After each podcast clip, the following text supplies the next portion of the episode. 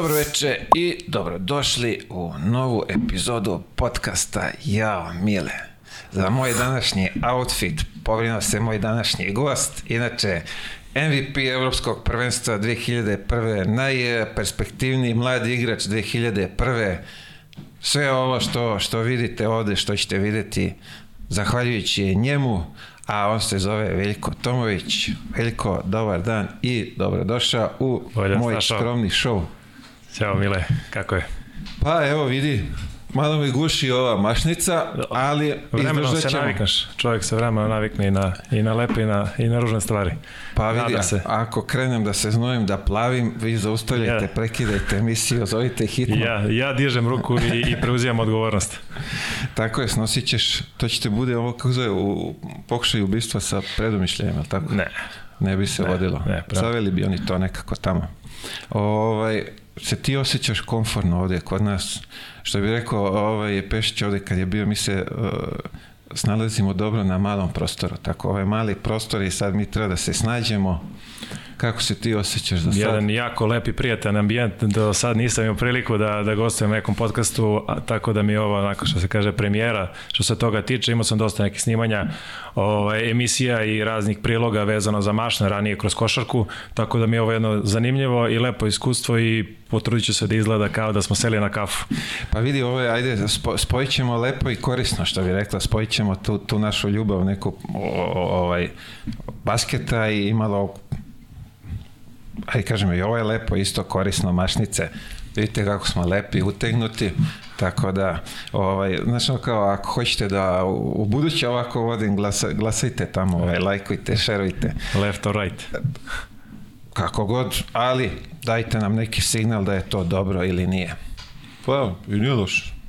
Možemo na... Što bi rekao moj Orkestar. brat, ima jedna dobra stara izre, izreka izjava, kaže, lep si dečko, mislim, ko voli takove. Tako da, tako da za svašta nešto u životu volim to da primenjujem. Nešto je lepo ili ružno, ko to voli ili ne voli, tako da to je uvek bila relativna stvar. Pa to je, u, kako, kako kažu, beš, u, u, u ukusima ne treba raspravljati, Da. znaš, tako da i ovo je isto jedna vrsta stvari o, kome, o kojima kad neko izabere ne treba raspravljati. Bitno Sto da ljudi, se ono sto čudi. Tako je, bitno je da se on osjeća komfortno u tome i da mu je lepo. E, Kako ide biznis za početak? Kako se snalaziš u ovom? Po principu mogu da kažem da, da sam zadovoljan obzirom na sva vremena i na to što su moj gene- generalno posao je vezan za, za svadbe, mature, proslave i za neka sve, svečanije prilike.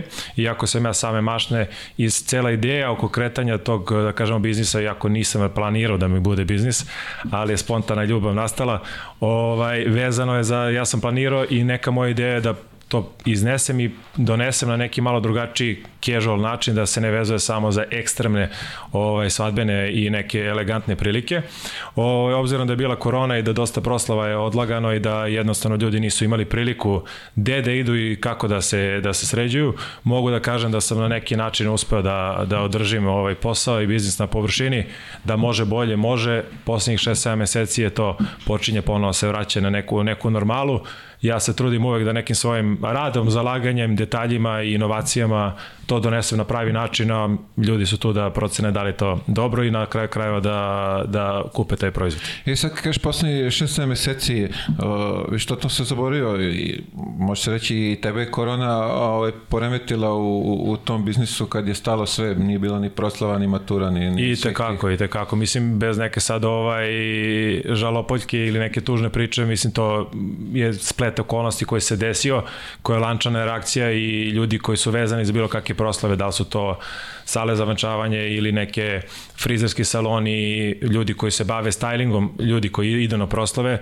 su jednostavno osetili ozbiljne posledice. Ja sam na neki način uspeo da održim posao na površini, e, ubacio sam još neke nove proizvode koji nisu vezani samo za, za svečane prilike, tako da je sam negde isplivao i izašao iz toga u nekoj normali, nisam morao da, da prekidam nešto što naravno, što je moj posao kojim, kojim se bavim već 10 godina, možda malo i jače od, od momenta kad sam krenuo bez ikakih, da kažemo, nekih velikih ideja, ali nekako kako je posao rastao, ja sam rastao sa njim i prepoznao sam neku lepu ljubav u tome, tako da pričat ćemo već o tome. E, kad si već pomenuo ovaj uh, posao i rast, mi mora isto da se zahvalimo Admiral Betu koji nam pomaže ovaj, da, da se ovaj podcast uh, da, da raste, da se razvija, tako da oni su ovaj, jedni, što bi se reklo, jedna kompanija koja nam pomaže da to ovo sve izvedemo, da bude ovako lepo i, i udobno. E, naravno, možda da vas obavestim i da vam napomenem ponovo iz emisije emisiju non stop ponavljam, da nas zaprate na Instagramu, YouTube kanal, subscribeujte se, cap, cap, cap.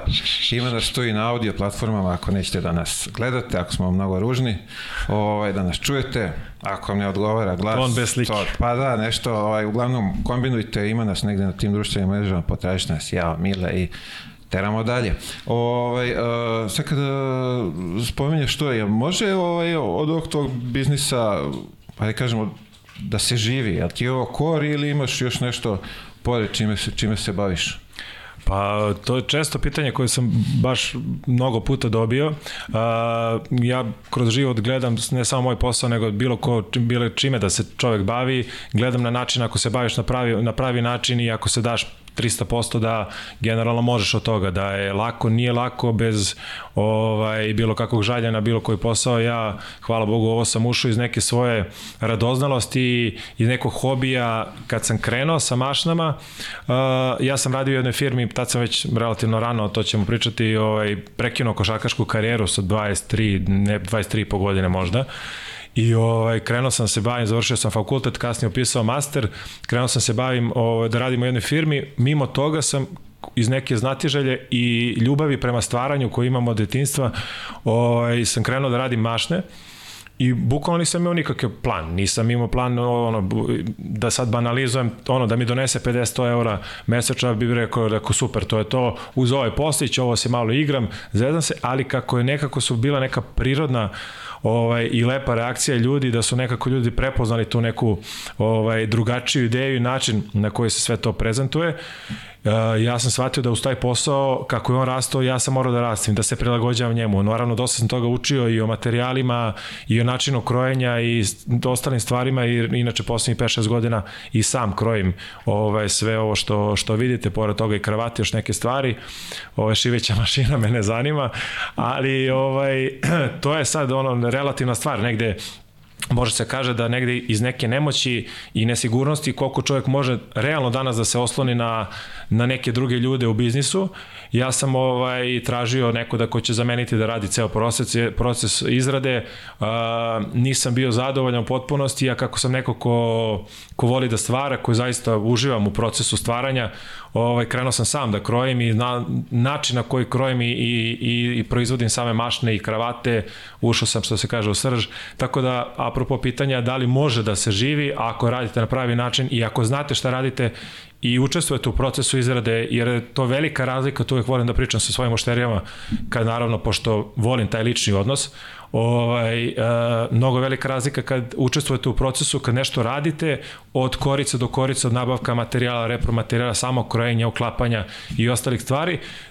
Druga je stvar kad nešto uzimate kao gotov proizvod i vi to preprodajete velika razlika, ne u tome koliko vi možete da zaradite ili ne, nego u tome koliko vi zaista znate šta prodajete.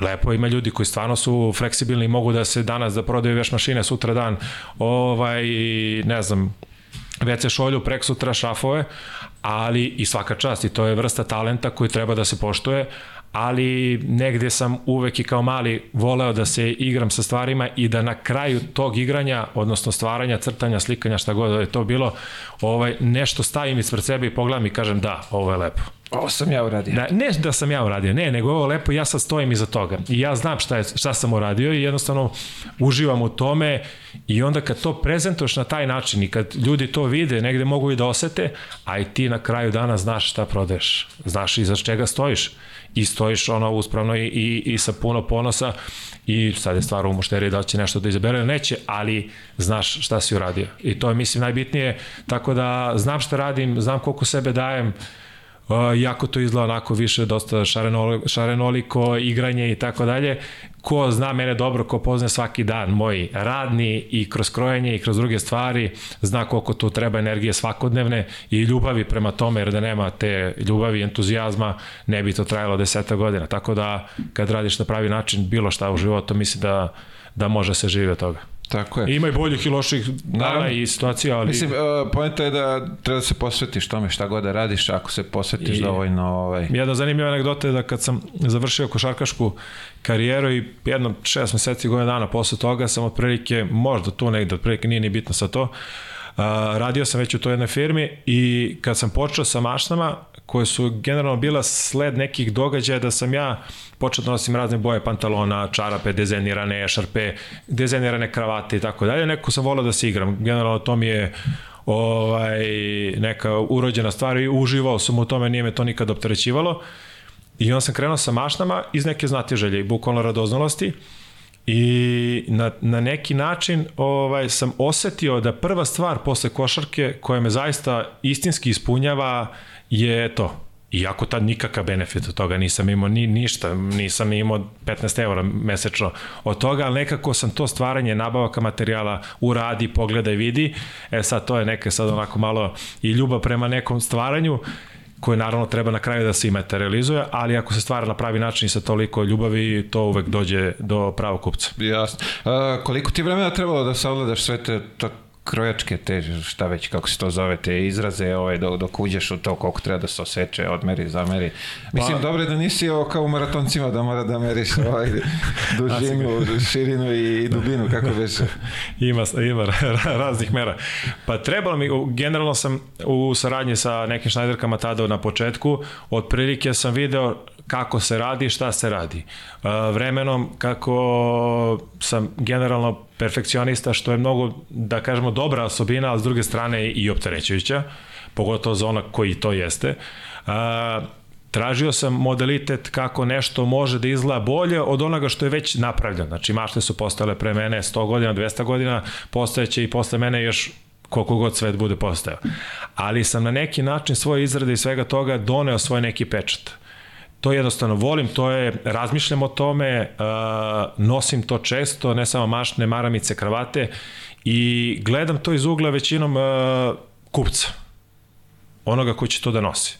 Uh, estetika bez funkcije nikad me nešto nije zanimala, iako sam esteta, ali ako će to da opterećuje nekoga ko nosi, ako to izgleda lepo, ali posle dva minuta ne, možeš, ne znaš gde ti je mašna, da li ti je na vratu ili ti je na stomaku, da se vitoperi i tako dalje, da banalizujem, ali razumeo si me, ovaj, onda to nije, nije, nije ono što, što ja želim da predstavim kao svoj proizvod. Tako da sam na, i kroz maramice i kroz mašna kogu tu te neke stvari, to su sitnice i sad svi aksesuari kad se stavljaju i kad se jednostavno čovjek odluči da nosi, to je detalj koji ljudi primete, pošto nije svakodnevno da neko nosi i maramicu i kravatu i mašto. Ima, i ako se to ne uradi na pravi način, mnogo se teže sakrije neka greška, da kažemo na sitnom, de, na nekom detalju, aksesuaru, nego na nekom kaputu koji je malo šljampaviji, neko će kaže, ok, taj neko voli šljampaviji, voli oversize.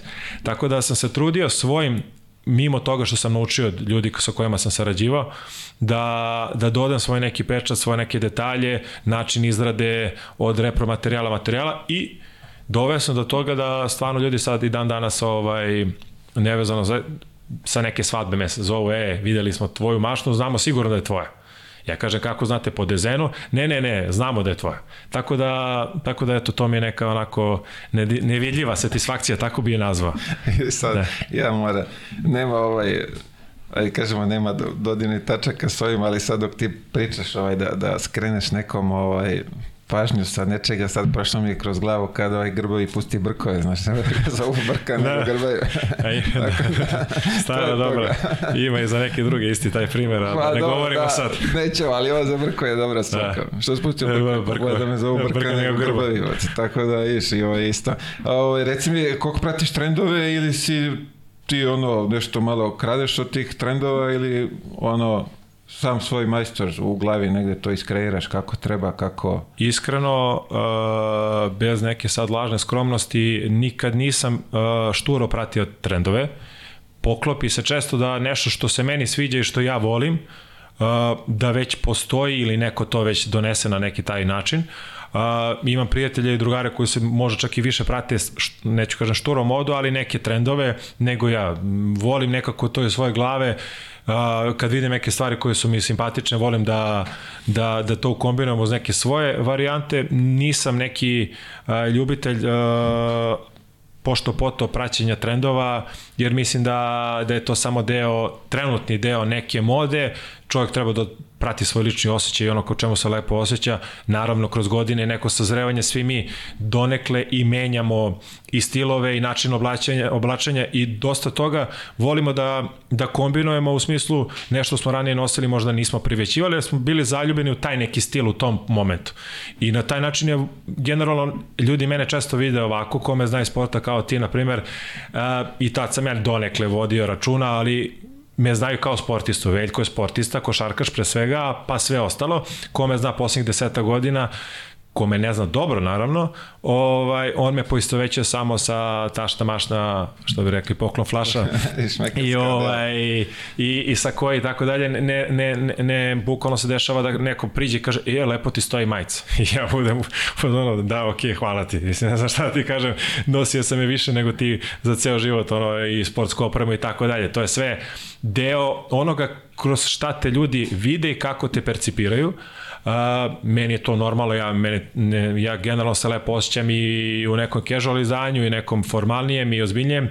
Ja svaki dan nosim generalno i sakoje i ne nosim modele, volim to nekako u rasparu da donesem, ali mislim da je to stvar, stvar ovaj, ličnog osjećaja često mi se desi, ali baš ne često, nego to na svakodnevnom nivou da ja nemam pojma kako sam nešto došao do neke kombinacije.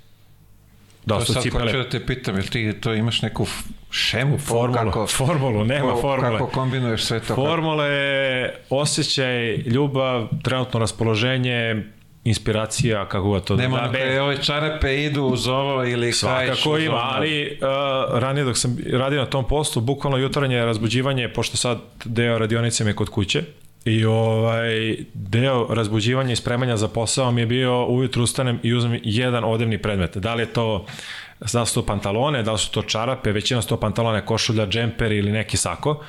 I sad je, što kaže drugar moj jedan, kaže, tebi je ovo omljeni deo godine, jesen ili proleće, kaže, možeš da se natrontaš, da ukombinuješ dva, tri sloja, da li je to prsluk, kardigan, sako, ešarpica, šal i tako te stvari, ali generalno to je jako lepo, ali I ja kad treba da, ono što, što smo pričali već jedan put, kad treba da zaberem jednu kombinaciju, sad za nešto što će odudarati od onoga kako mene ljudi svaki dan vide, mislim kako ja sebe vidim na kraju krajeva, ja, mene glava zavole. Jer toliko toga sam i sebi sašio i uradio i maramica i, i boja, pantalona, čarapa. Mislim, to sad izgleda smešno, ali i onda često napravim sebi, sam sebi problematiku, ali bukvalno mi se desi da nekad uzem i izađe mi memoris neki slika od pre 3 godine, 5 godina, ja kažem, ja, ja i dalje imam sve ove stvari, a tri od četiri artikla nisam obukao godinu dana a ništa im ne fali. Aj super izgleda. Tako Vidi, da... ja imam osjećaj tebe kad, kad, kad sretnemo onako u gradu, kad, kad te vidim i ili na utakmici, po slikama, tako, ili na utakmici. I na utakmici. Pa, to si onako kulturni, što više. To si o, o, o, Hvala. casual. Ovaj, ja imam neki osjećaj da je kod tebe uvijek i jesen, brate. Kod tebe na tebi boja ono znaš, non stop je, rekao bi ovaj čovjek, ko, ko da živi u jeseni, tako se i oblači, tako ono, što ti kažeš ti raznolike boje. Pas, pastelik, pa, dr, drvenastih pa, zemljanih boja. Tako Ovo. da je ono, meni to zanimljivo i meni je cool da čovjek bude drugačiji, da nije u kalupu, da ne, ne bude sve ono, znaš, ono, tu, memorisana glava i samo ovako, ne, trebaš prijatelju malo da širu da. sliku gledaš, Pa malo, mislim, generalno, ja, ja sam zagovornik te teze tvoje, da čovjek treba bude malo drugačiji, naravno, neko se o tome prijatno, neko ne baš najbolje osjeća i generalno čovjek treba da ide nekim svojim osjećajem. Ovaj, ne volim a, da ljudi budu drugačiji da bi bili drugačiji da bi time skrenuli pažnju na sebe. Naravno, svako svojim nekim stylingom želi na neki način, ako je malo drugačije, da privuče neku pažnju i da se on lepo osjeća, da izađe iz neke ovaj, mase kao, kao neko ko je malo, malo, malo od udara. Ali ono što je najbitnije je da to nije usiljeno, da se ti u tome lepo osjećaš i na kraju krajeva lepo izračeš. I ja uvek kad pričam sa, sa svojim ošterijama, pitaju me često šta misliš tegeca, sako, žute pantalone, ne znam, brown cipele, kako god I ja sad neku kombinaciju koja je klasična mogu da mu ponudim 20 opcija, 50 opcija iz moje palete mašni maramica kravata. Ali ono što je najbitnije je da popričam prvo sa njim, da osetim otprilike o čemu se on lagodno osjeća i da mu ponudim dve, tri opcije. Sve mimo preko toga je veliki pakao za, za svaku mušteriju. Pa i za mene samog, sad ponašam stola kao, ne znam da ću da obučem zeleni sako tegec, sako žutu mašnu zelenu, čovjek se pogubi, više ne zna šta hoće. A generalno sve na neki način dobro izgleda, samo pitanje šta čovjek osjeća i kako u čemu se lepo, lepo ovaj, šta zna na lepi način da, da iznese. Tako da uvek tu konačnu odluku volim da, da ostavim mušterijama da oni donesu, jer na kraju krajeva oni to nose, oni, oni će izaći pred neke ljude i oni to treba da i, i meni je da kažemo i poenta i, i privilegija i čast da oni to iznesu na pravi način da kažu e ovo super izađe izgleda i oni mi posle kao šalju feedback je hvala na, na, ne znam, na, da. na lepom savetu da. i dobre su bile reakcije i to je neče, neke nevidljive satisfakcije. Ja, ja isto tako ne volim, u, u suštini ja nemam, ovaj, kad uđem u radnju nemam izbor, pošto nisam u ovom konfekcijskom broju. Ovaj, tako da, ali kad uđem nešto i ako ima više od neka tri artikla koje ja treba da biram, to je za mene pa problematika. Vidi, bolje mi pokaže, ono, ponudi dve i znam šta, a ovako kad ono vidiš ima 5, 6, 7, pa kao sad ja tu treba nešto kao izaberem, to je glavobolja i to, to toliko ne volim jer, znaš, nisam navikao da, da se ono mlatim po radnjama, jer ja sa vrata pitam, je li ima, lupam ako mi treba obuća, ili, ima sa vrata, broj? Ili ti sa vrata govore, dečko, u rikvrc. Nije, nije za tebe. u rikvrc nije. Ne, obično ja sa vrata pitam, je li ima taj broj, nema i samo se vratim napolje, tako da, da moj, moj shopping svoje, je, tako je, moj shopping je prost. Ovaj, a vidio sad kad spominješ te kombinacije, uh, skoro mi je negde izletelo, uh, slagaću te sad, ko je na, na, na mreži, uh, tip uh, kaže sedam boja, tipa 7 agnosti, da. Vidio što je onda možda iskombinaš na, negdje 80 nešto kombinacija, što je veoma zanimljivo, da. da. Samo da, da bi ja došao do toga, ovaj, treba mi jedno 10 godina da, po, da, da sve ukrojim te Dobro, ali da ima, ima, ima, mora čovjek da ima bazu što se tiče odela i tih stvari, to što kaže sedam odela i ti sa nekim aksesuarima, da su to kravate, mašne, više su to kravate i maramice, jer one mogu i na neki poslovni luk da se da se ovaj primene, mašne su više vezane za neke formalnije prilike, redko kad čovjek vidi nekog sa maštom da je došao na poslovni sastanak. Realno je tako. Da. I ovaj, uh, ono što je u nekom tom, da kažemo, biznis i korporativnom diplomatskom svetu neko pravilo da čovjek može sa dva, tri odela i promenom kravata da ima 50 različitih kombinacija. Bukvalno tri odela i, i 15 kravata da on svaki put izgleda drugačije, da ostavlja drugačiji utisak. Tu sad ima i druga pravila, koja kravata uz koje prilike ide, kakav čvor uz koju kragnu i tako dalje. Vidi, to ćemo sve posle ovaj, da mi zapišeš, pa da ponesem kući da vidim šta je izvodljivo od toga za mene. A, reci mi, Nadimak Fancy, kako je to došlo do toga? A, ja, pa dobro, to je, to je jedna simpatična anegdota, znam i ko ti je rekao i znam ko me tako zove, znaš, dobar drugar i prijatelj dugogodišnji tvoj i moj Pavke. Ovaj, Inače, pa, sad je ovaj vrsni, možda kažemo somalijer. Somalijer, da, somalijer, već da. par godina ušao u te vode posle košarkaške karijere. On tako tačno da, osetio o kojoj aromi se radi u vinu. Da, pa sad, je, sad da, ne sme da, li ima kestena, to, to, da, da, malo cimeta i toga, da li, da, da smo Ovaj, da, to je bilo zanimljiva anegdota, mi smo se generalno družili i dok je on igrao u Beovuku, ja u Radničkom, igrali smo jedan protiv drugog. Ima jedan... pričamo o Milošu Pavloviću, da. ko, ko nije isto jedan vrhunski talent u tim našim da, da mlađim koje na, nažalost nije dosegao neke svoje potencijale, ali generalno nije to na kraju krajeva i najbitnije u životu. Mislim, danas, hvala Bogu, Tako se je. družimo od moje desete, njegove 11. godine. O, ovaj, a zanimljiva priča, pošto smo igrali jedan protiv drugog, često on u Bevuku, ja u Radničkom, ima jedna priča gde i dan danas on kaže kako je održao naše prijateljstvo time što u posljednje sekundi, posle par sekundi pred kraj u Železniku kad smo igrali neki finalni turnir prvenstva Jugoslavije za kadete, sam ja položio neku loptu u kontri i on je s druge strane teo da me zalepi, ovaj, da me lupi bananu i kao namerno nije teo da me zalepi zato da bi održao naše drugarstvo koje hvala Bogu je dan danas traje i koje je veoma čvrsto i kvalitetno. Ovo ovaj, to je jedna, a, a i tad posle, kasnije on iz Beovuka prešao u radničke, da kažemo došao u, u, kod nas I onda, pošto sam ja i tada volao da se igra malo sa, sa, ovaj, sa raznim kombinacijama odevnim, ovaj, on me tad, a generalno svi saigrači su dolazili, dukserica, trenerka, ja sam dolazio nekim pantalonama, generalno sam tad volao da se igram sa nekim bojama i odudarao sam malo od ništa, to nije bilo na ovaj način, ali ponovo malo drugačije od onoga kako su moji saigrači dolazili i onda je on iz nekog razloga mene nazvao Fancy i to je ostao i on je jedina osoba koja me tako zove. Tako da ima još jedan nadivak sad posljednje vreme, ali to nije baš za kamere. o tome ćemo posle.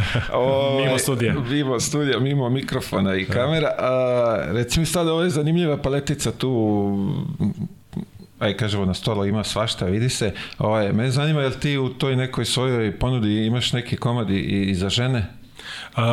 Pa generalno u početku kad sam počeo da se bavim maštama, pre svega kao temelj brenda, to mogu tako uvijek da, da kažem i da naglasim. Uh, Živi, ovo je Ovo baš zvučalo dvosmisleno, što je to Sve u percepciji slušalaca. Sad razmišljam šta sam pitao, rekao, brat. Dobro, ajde, da. vratit ćemo se ja. Ja, ja ozbiljno shvatam pitanje, za razliku neki. Ove, šalom greška. Ne, ne, ne, nismo loše razumeli. Ovaj kolega. Kolega nastavi, kolega Kad sam nastavi. krenuo sa maštama, u početku je bukvalno su žene neću kažem više, ali tu ne ide bara bar sa muškarcima, sa muškarcima ovaj, kupovali maštu. To je bio zanimljiv aksesuar, nešto što do tad nisu imali priliku u nekim raznim dizajnima i bojama da, da nađu i umesto nekih, da kažemo, ogrlica, čak i nekad je neku haljinu na golo, da kažemo golo vrat, ovaj, su nosile leptir mašne, to ume jako lepo. Mene generalno ja volim mušku modu, posljednjih par godina to je dosta zastupljeno, mušku modu na neki način na ženama može jako lepo i ovaj, otmeno da, da izgleda ponovo da zadrži neku dozu ženstvenosti i seksi pila. Ovaj, tako da žene su uzimale početku mašne, kasnije poslednjih par godina radim neke mašne za kosu, turban trake i te neke stvari koje mogu da kažem na neki onako sporedan način su mi do, donekle održali e, postojanje na, na tržištu za vreme korone od tih jedno 6-7 meseci jako zanimljiv aksesuar, pogotovo te mašne za kosu. Ovaj, i njima sam dao neki svoj pečat i iako ja to ne mogu da nosim, nema opcije da, da probam to što radim, ali sam se posvetio dosta temeljno i, i jedno vreme su baš bile popularne, sad se prodaju ne toliko, ali te mašne za kosu, turban trake, zimi ubacim neki ženske i unisex šalove, tako da pokrije malo i žensku publiku, iako su mi u početku kad sam krenuo sa maštama govorili ne, ne, ne, mašne, ko će kupuje mašne, si, si lud, kao nemoj time se baviš, radi nešto za žene, žene uvek nešto kupe i iz dosade, iz nervoze, iz da ne kažemo sad nešto drugo, ovaj, one imaju potrebu da sebe na neki način da sklone svoje misli, možda neku nervozu, šta god, nezadovoljstvo nekim shoppingom. Tako da ima i dan, sad ima za, za žene, ali sam se vodio uvek svojim nekim osjećam, tako da... ne, ne bi ovo otišlo u pogrešnom pravcu. Kako, hvala, hvala. Ajde se... Prebacimo na košarku. Ajmo mi na košarku. Ipak sam se time bavio tu, nekad malo. Tu se ovaj malo bolje snalazio. Ovo, da. kako, kako sam ovo formulisao pitanje, majko, vila šta bi je prošlo kroz glavu. Ali dobro šta da je. Ti znam. Da, dobro. Izvuko, izvuko si me na kraju. Dobro, dobro, ajde malo. Ovaj, Diplomatski aj, odgovor. To, to, to. Ajmo mi ovaj, basket, kako to sve krenulo, kako si ti to zavoleo? Pa košarka, ono, to je zanimljivo. Mislim, meni je otac se bavio profesionalnom košarkom i ono, neki, na neki način su nam karijere podjednako bile kratke, iako je on dosta bio uspešan i u toj generaciji. Njegovo je bio jedini igrač u bivšoj Jugoslaviji koji je bio kadetski juniorski reprezentativac, karijera nije krenula tom pravcu koja treba, ljubav prema košarku je bila prirodna preko oca, starijeg brata koji je krenuo da se bavi košarkom, I ja kao svaki mlađi bara brat uvek je stariji brat na neki način uzor i uvek pratiš starijeg brata što meni uvek prirodno i mislim da to tako treba da bude, nevezano za mene, za bilo koga. I krenuo sam, poga mi drugi razred osnovne škole. U jednom momentu sam igrao i futbal i košarku sam trenirao isto vreme. I to je bio neki treći, četvrti razred osnovne škole, dosta je bilo naporno ako sam bio dete.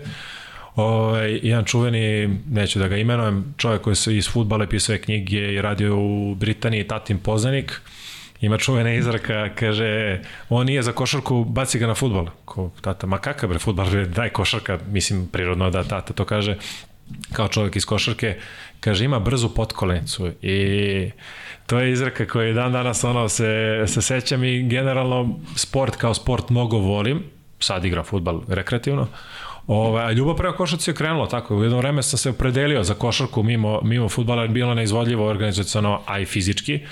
I ovaj, to je nekako krenulo i tebe sam, sebe sam tu pronašao i imao sam uvek u koga da gledam kao starijeg brata i, i celo njegovo društvo s kojim se družio i dosta sam rano krenuo da igram za starije i pokazao neku dozu talenta koju su ljudi prepoznali i, ovaj, i relativno rano sam ušao te neke malo ozbiljnije vode.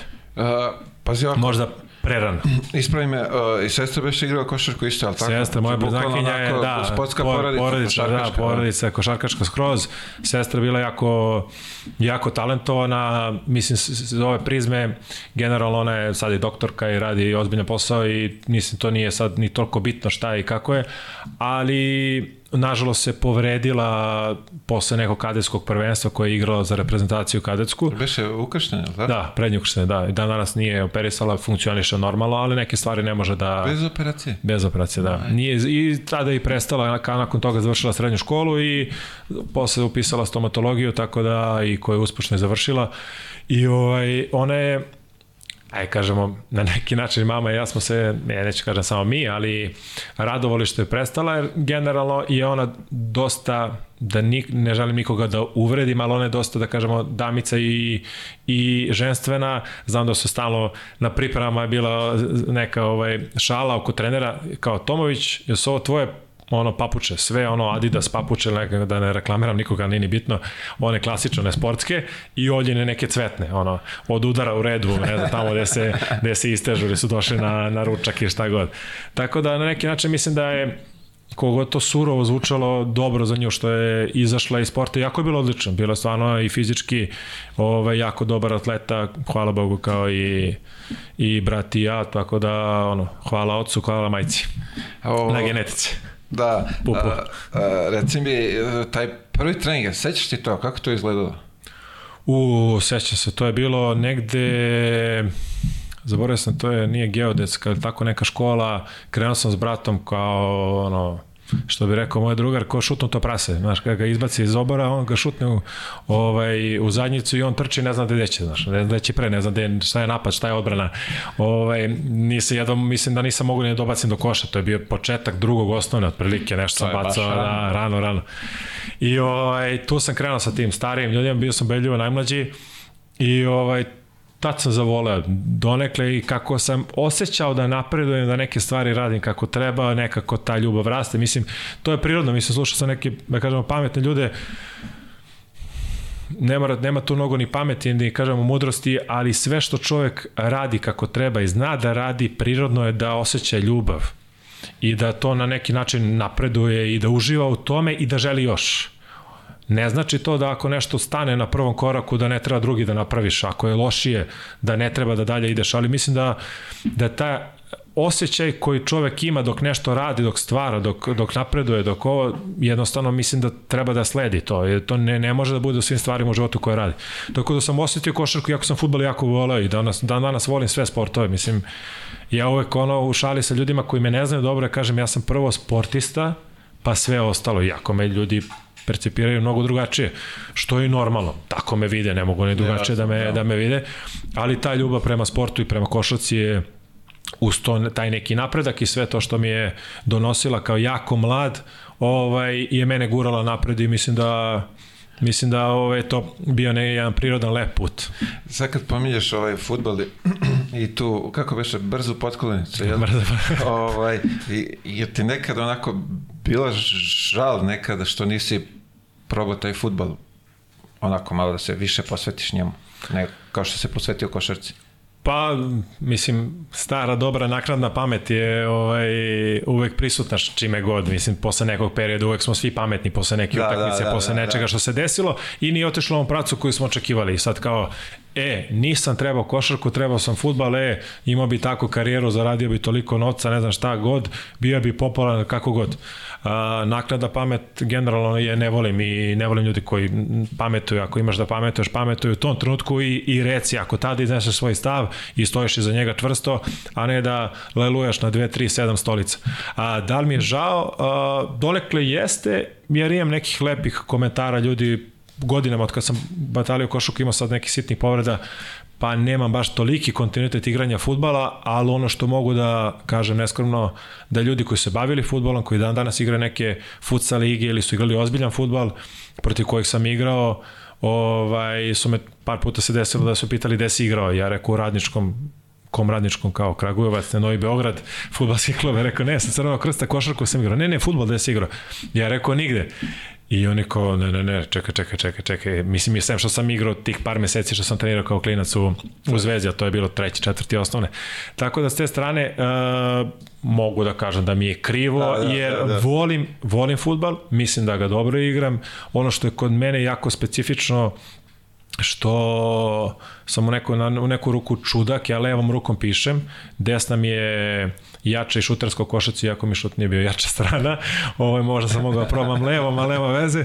Ovaj, kao neki igrači što jedno bacanje desno. Zato si ima brzo potkup. Da, ba, pa je bolje nogom da sam šutira. To, to. Ovaj, šalo na stranu. Uh, levom pišem, desna mi jača, desna, na primjer, sad krojim, levom skoro uvek držim telefon u ruci, desna mi jača u futbolu, podjednako jako šutiram i levom nogom, tako da su meni pomešane tako hemisfere i s te strane mislim da je to velika prednost za, za neki, pogotovo za futbal, da generalno imaš izrazite tešnjake ili levonoge ljude, ovaj, a za take stvari uz neku brzinu i eksplozivnost mislim da to može da bude jako, jako da kažemo opasno po protivnika, tako da s te strane mogu da kažem i volim da igram protiv ljudi koji su stvarno bili profesionalni futbaleri, to me neko ispiriše kojim pa god da, sportom se bavi. Izazov. Izazov generalno, vratno ja njega nešto ne zanima mnogo, ali ako dam dva, tri gola ili nešto napravim problem, već se tu javi doza neke sujete šta mi ovaj glumi ludilo ovde, sad šta hoće da, sad. Da, da, da. Ove, e, sad ćeš da vidiš. Generalno ja to volim, nemam problem. Kad god je sportski jako i čvrsto, bez neke krajnje namere, volim svaki put take, take Što se futbola tiče, ja sam uvijek imao ove dve leve noge, tako što smo uvijek gurali na gol. Aj, da. aj ti stani na gol. Da. Mada neki će reći da sam imao dve ove leve u košarci. Ne, ali, pa da, nećemo sad. Složi, ali nećemo tu skromnost, nećemo neće to je lažna skromnost. Ovaj, Nešto ja. kažeš ovaj, sad, apropo ovaj, naknadna pamet toga ovde, znaš, mi, da, mi smo u, toga, pa mi to smo, može da, kad bi to mogli da izvozimo, da, mi bi pa, bili... E, predrasuda, ovaj, predrasuda i naknadna državni, pamet, mislim da smo tu šampioni sveta. dug mi smanjili čas posla, prepolovili nakada, ga nakada u, pamet. u, par dana. Ovaj, kako se zvao taj klub prvi gde si ti krenuo?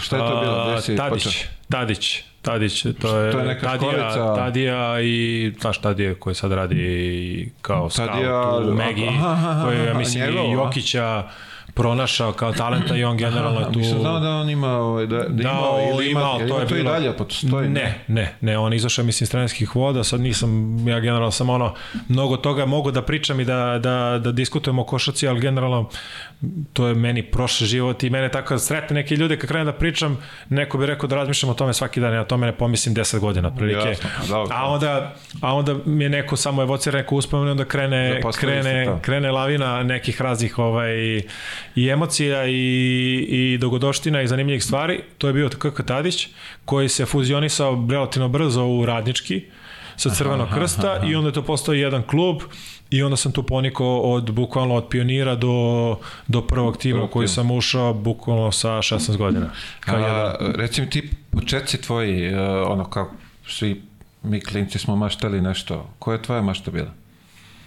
Pa generalno sam maštao imao sam prilično buj, bujnu, bujnu maštu, i, ali nije bila bujna mašta bez pokrića. Voleo sam da, da radim na tome i generalno sam i u momentima kad sam važio za najbolju generaciji, trenirao sam i davao sam sve od sebe. Sad uvek to ima neke klinačke bubice, ali moja mašta je bilo da, da jednog dana dostignem neke ozbiljne visine. I to je ono čemu sam stremio i jedan od razloga zašto sam relativno rano ovaj, prestao. Ne Čekaj, zato što... Ozbiljne visine, šta smatraš ti pod, pod ozbiljnim visinama? Neki ozbiljni evropski klub, da li to je Euroliga, NBA nije nužno NBA, ali generalno kao svaki klinac ti vid, gleda, mi smo odrasli Jasno, u da, doba da, da. Jordana kad je dominirao, bili smo klinici 10, 11, 12 godina i naravno da ti je uzor bio neko tako, ne mora nužno ti da budeš Jordan ili Penny Hardaway koji je tada bio jako... Da, on je tada bio Da, i ja sam ga mnogo volao, ne, generalno brat je volao Jordana, ja sam volao Jordana, a meni je Penny bio kao dres u, i mislim da ga nisu osakatile povrede da bi dosigao da, neke, dosigao neke ozbiljne visine jako blizu Jordana. Pa I ja mislim, ne, ne, ne, ne veram da bi mogao Jordana. Ne, ne, Jordan, bi... drugačiji su tip igrača, ali je imao putanju koja mislim da je da je imao taj neki kvalitet koji je drugačiji i koji je jednostavno playmaker u to vreme sa 2 metra onako vihoran, lepršav, sa ra, ozbiljnim osjećajem za igru i znam da ima neka njegova izjava u nekom intervju što sam relativno skoro video gde je pričao kako je bio ljubomoran na Kobija kada je uzeo titulu sa Šekom, jer da, kao da, da, uzeo da. si moje mesto, jer smo Šek i ja u Orlandu trebali da, Tako je, da, da uzem. Da. Mislim, to je neka. Či, pa ja, mislim, ono, donekle da. slažem s tim da, da. da je ostao da, da se ostali da. zajedno, to bi bilo mislim, jedna, priča. jedna jako zanimljiva, mislim, mislim tada bili klinci, nismo to razumeli na pravi način, ali sad iz ove prizme, kad gledaš neke stare utakmice, sve to, to stvarno neka druga doza entuzijazma, ljubavi, mnogo se igrala fajterskija košarka, neću pričam sad ovo vreme, ono vreme, ovako, onako, ali generalno mislim da taj neki period između 90, 90 2000 da se igrala ozbiljno čvrsta košarka i da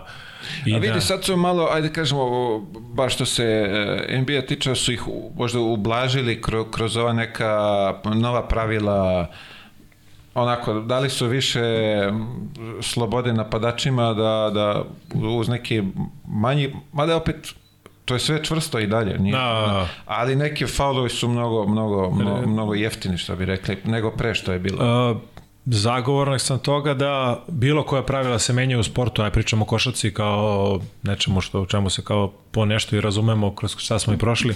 Ovaj mislim da uvek ta pravila treba da donesu prednost napadaču. Ne da omalovažavaju odbranu, ali da napadač se osjeća ne znam, sad su uveli neke stvari korake, nisu korak, sviraju korake kod neke stvari koje se generalno nisu svirali nikad, a onda tipa dvokorak iz, iz pivota koji ja kad vidim nije mi dobro tri dana, stvarno, tri dana sreće nemam kad vidim za zakorači, pa jedan zakorak, pa dvokorak, pa ajde još driblaj dva puta zakuci za leđa da se sklonimo svi s terena i ovaj, meni se to generalno ne sviđa. Treba da se pravila sva, da se kao što sad i mislim da se često tim, neće kažem samo pravilima sudijskim pre svega, uh, ide u neku krajnost. Ja pričam sad kao gledalac sporta, ne kao neki učesnik i da li to futbal, košarka, šta god da pričamo o. Uh, ne volim tu krajnost da se tipa trendovski dve godine svira svaki izlazak iz blokade kao faul napadu, kako god ovaj odbrambeni igrač isfolira kontakt sa centrom i, i padne,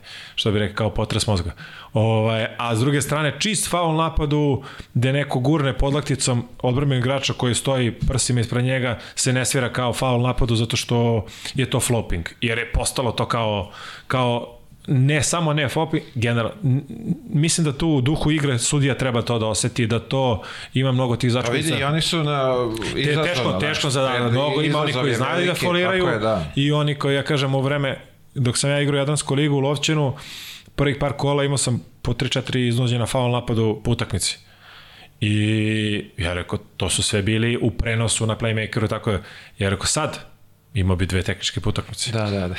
A ne zato što sam folirao, nego jednostavno tako, tako sam igrao odbranu, uh, nisam nikad nešto previše savio kolena, bio sam povijen napred malo i svaki kontakt u nekom polu sprintu i odbranu, kad me neko gurne i ja padam, ne da se foliram, ne da se bacam, nego meni ako odam teža nazad, ja moram da padnem, jer nisam ravno. Čoče, sad kad pričaš to, sećam se one vežbe, trčanje, sprint, on znaš kao stav, pa on te kao čekira, a ti se prostreš dole po zemlji. Tebi je to vjerojatno bila omiljena vežba. Nisam vidi, ja sam, nisam nikad padao. Te, to, da, tebi, daj, dajte daj, koklicu za gospodina. Prvi put kad sam se ogulio kukove, bilo je treneru, ja sam centar za da, bio. Da, ne, ne. A ne, ne, ono je bolno, pogotovo, znaš, ja kad padam, ja padam sa drugog sprata, znači, da, padam da, da. ja ovaj, Ali da. sećam se sad kad pričaš o tome, ono, znaš, kao, pa, mora, pa mora, mislim... napadu, to je bila ona vežba ludačka, kao neki dribling, pa ti nešto trčiš pored njega, pa to on čekira i ti se prostriš dole, kao. To, da, to. i to je to, i, da, i najjači se. I najjači, tako da. je, da. Što bolje, mi generalno mislim da za sve igrače koji, pogotovo za bekovi, jako je važno da znaš da padeš. Pogotovo kod polaganja, završetaka i ostalih stvari, da si ozbiljno u kontaktu s igračima koji imaju po 30, 40, 50 kila više od tebe, mislim da je mnogo važno da znaš da padaš i način na koji padaš. Suprotno možeš ozbiljno da se povrediš. Nekad ne možeš da kontrolišeš taj pad, nažalost, ima ozbiljne fizika danas i ljudi ono preskaču jedni druge i tu su padovi stvarno pakleni, ali, ali, ovaj, ali generalno jako važno znati padati. Ma beši, koliko sam puta ogulio, ono, a što ono kao nekad pokušao. I dan danas imaš traume. Vidi, ba, ajde nekad kao nešto sam pokušao kao da iznudim faul napad, ne znam da sam ikad uspeo, ovaj, ali dole kad se prostre, brati, to je toliko ono, oguliš bre kukove sve, znaš o čemu pričam. Pa onako. Ko, ko nije. Pa iz tih, iz tih razloga mislim Pa vidi, da... Vule Avdalović ovde bio, Da. kaže da ima dve otvorene rane na leđima samo od, od, od Da. bacanja ovaj, za falu napad. Sigurno, sigurno, da, i Vula je bio dobar, do, između ostalog i dobar, To je, da. bre, uf. Ovaj, Ali- pa i zbog tih kamikaznih padova i Bratavljevih i mojih, a pogotovo mojih, pošto sam bio dežurna kamikaza i samo povređivač, mislim da otac je iz ljubavi prema košarci dolazio i nekako je to kao muškarac iznosio, ali majka već, ja mislim, posle kadetskog kadeta više nije mogla gleda naše utakmice. Nije imala, ne, ne, nije mogla kontroliše reakciju, to je negde bilo istinski ono reakcija koja ne, nema kontrolu, to jednostavno to je Stresno. stres i, i ona već ima projekciju u glavi šta bi moglo da se desi iako nije ni blizu toga da se da da da se To, to, da šta, koji prelomi mogu da, da, se... tak, i onda sećam se neki pad kamikazni kad sam igrao sam za prvi tim Radničkog pa 16 godina sam imao možda malo jače, igrao sam ko prijateljsku u Šumicama, ja neki prodor sa desne 45, naskačem, polažem i u polaganju kasni na bananu igrač i podupire me desno od kuka malo leđa i u skoku me okreće, tako da ja uopšte više nisam imao kontrolu. I padam ovako, nisam pao ni na, ni na, le, ni na glavu, ni na gluteus, nego na leđe. Ja sam tako pao da sam izbio izbio vazduh iz pluća skroz i da sam kao riba na svom bio i bukvalno da, da, da, da ne opana, oponašam više to. Ovaj, saigrači su došli oko mene i protivnici, samo se pomerili. Sećam se, moji roditelji su bili gore, pre su došli, majka od Osko sa tribina dijagonala u Šumicama Nego do terena dole nego fizio koji je bio na terenu. I sutra da, ne znam, istegle zadnju ložu tako nešto, rekao je, morat ćeš na fizikalne sad. Tako da kao da si preponaš bilo. Ove, tako da su to neke situacije, mislim, generalno, znaš, ono, prethodna, prethodno iskustvo je veoma nezgodno u životu. Mislim da ljudi, što si stari, imaš više nekih strahova, što je negde prirodno. Kad si mlađi, ne znaš, uđeš u to, ne razmišljaš, nije ti mozak tako, i, i generalno je to dobro za mnoge stvari, je dobro da, se- da Pa mlađi mislim da svi roditelji tako reaguju. pa i za roditelje i za generalno bilo koje druge stvari u životu je bolje što si mlađi mozak ne ispašu i ideš kroz život i mislim da te tu onda i Bog čuva. E. Ovako kad imaš već predomišlje šta bi moglo se desi, kako bi moglo, ti već imaš neki grč koji te dovodi do toga i to negde nije dobro. Ti u glavi projektuješ već šta, šta može da se, I, ovaj, i, i to se i desi. Da. Da. To je veoma, ovaj, to je neka moć podsvesti, kako bi je nazvali. A, reci mi u, u tom malom odrastanju tvom uzore neke si imao od, od igrača ko- Pa, naravno, kao što sam pominjao malo pre NBA i Jordana, od naših igrača to je pre svega bio Sale Đorđević. Ne samo igračkim kvalitetima, nego nekim karakterom i načina koji je, šta je sve kao mlad uradio. On mi je bio nekako od naših igrača, generalno smo ista pozicija i voleo sam ga kao igrača i način na koji je igrao i taj kvalitet ovaj koji je donosio, tako da mogu njega da, da izdvojim od naših igrača, bilo je tu, ne znam, kao klinac David Rivers ili neko tako neki koji je baš uz to neko vreme kad sam imao deseta godina, ovaj, koji je bio stvarno čarobnjak sa loptom, generalno verovatno se ljudi ni ne sjećaju, mnogi se, to je bilo baš u vreme kad smo i mi bili deca. Pa da, pa. Ovaj, to su neki uzori, NBA sam već pomenuo, ali tako, voleo sam od svakoga da nađem nešto što mi se sviđa i da pratim. Sad je dosta vremena prošlo, pa se malo zatekao mimo saleta sa tim pitanjem. Da. A reci mi, kad kreće tvoja, ovaj, ajde da kažemo, kak, kako bi to nazvali, dominacija u tim mlađim kategorijama? Dobro, hvala. hvala na tom dominacija. Ovaj, pa negde već od nekih kadetskih dana dešavalo se tu ovaj, da igrao se većinom za 84. ponekad i za 83. ali većinom za godinu dana starije. I za svoju generaciju kad sam igrao, to je bilo one man show. Bez neke sad kao skromnosti, bilo čega. Nije mi bila previše jaka ekipa i onda sam se trudio ovaj, da, da dam svoj maksimum i tu je bila utakmica po 50-60 pojena u proseku sam davao. Um, rekord mi je, mislim, bilo 7, 74 pojena. Evo. U kadet, da, 74 i to, to sam zapamtio da smo dobili 95-94, što je jako važno, konačan rezultat nije bilo 150, nego 95-94 smo dobili, da sam dao 84, I, ovaj, I jedna utakmica protiv Beovuka, čini mi se bilo nešto 110-100 za nas, ja sam dao 70 pojena u Vuku Karadžiću, onoj Evo, Vuko si da, 70 pojena. kadetima, da. A, misliš, nisu me prebili dok, dok nisam da...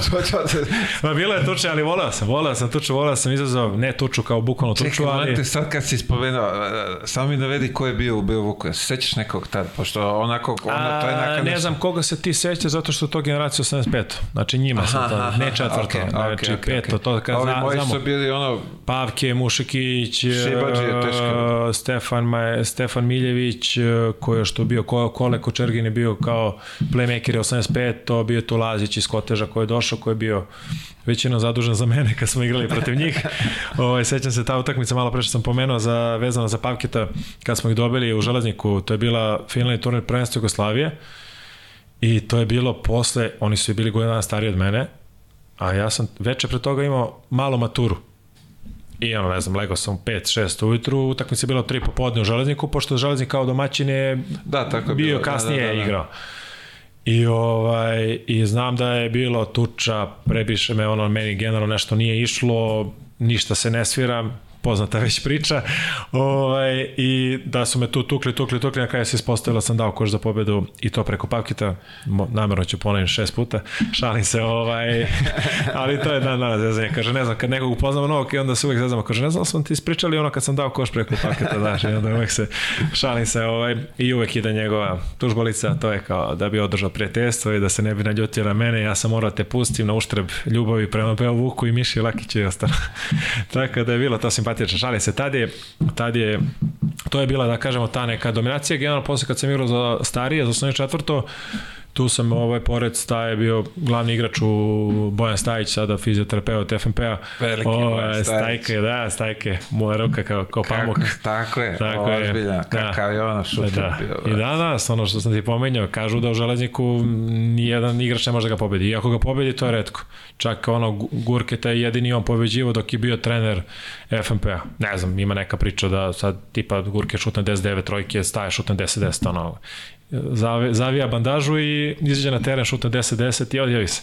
Kao ne O, mogu više. Vidi, ovo, ovo, mora, ovo mora da proverimo. Ovo, A, proveri, ovo ali da proverim. mislim da... Prvo ću pitan Gurkita, znaš, Pit. prvo da čujem njegovu reakciju, pa ću onda Gurketa da... ne znam lično, možda me nekad negdje Završit ćemo nije. to, da, ne, nebitno, ali... Ali znam neke je- koji ga znaju, valjda će razumeti ovu izjavu. ovaj, ovaj, znam čoveka i proverit ću da li je Da. tačno da ga je fizio Da. železnika dobio... A daj ćemo to da nazovem fizio, sad to zvuči bombastično, znaš, ali dobro, fizio, jesi to je, fizio. jel tako? Tako je. E, se školovao za to, završio je. Jesi? Ćemo umanjujemo titulu. Ne, ne, ne, Možemo ne, da kažemo doktor. To je, Ne, fizio, to je fizio, fizio, fizio. Fizio, čovek, da.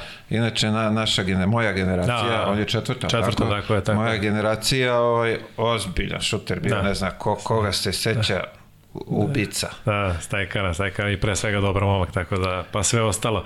Ovaj, tako da tu smo mi kao, priključio sam se toj, odrastao sam u svoju generaciju, sam četvrto, nekad sam igrao i za stariji, ali generalno, da kažemo, ovaj, moje, moja generacija je bila četvrto tih godina dana stariji i ovaj, uz njih smo bili jedne godine prvaci, treći u Srbiji, prvi u Jugoslaviji, sledeća obrnuto, prvi u Srbiji, treći u Jugoslaviji i nakon toga sam ovaj, ušao u prvi tim, tu sam ovaj, u toj generaciji, da kažem, pokazao neki kvalitet i relativno brzo sam ovaj, bio priključen prvom timu. Ti si malo pre spomenuo, to je već sa 16 godina, ali tako? Tako je, 16, tip, nepunih 16 i po godina je bilo kad je, nažalost, pokojni Jaca Petrović, koji je tad, kad smo mi igrali ta kadetska prvenstva, bio trener FNP-a.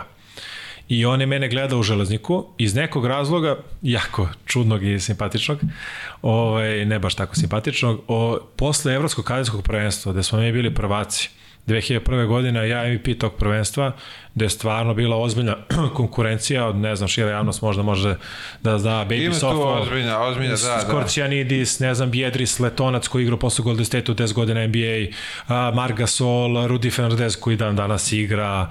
I Margasol igra. Da, i Margasol. Da, Margasol igra. da, da. Ne, ne zaboravi da, to. Da, respekt veliki za, za obojicu.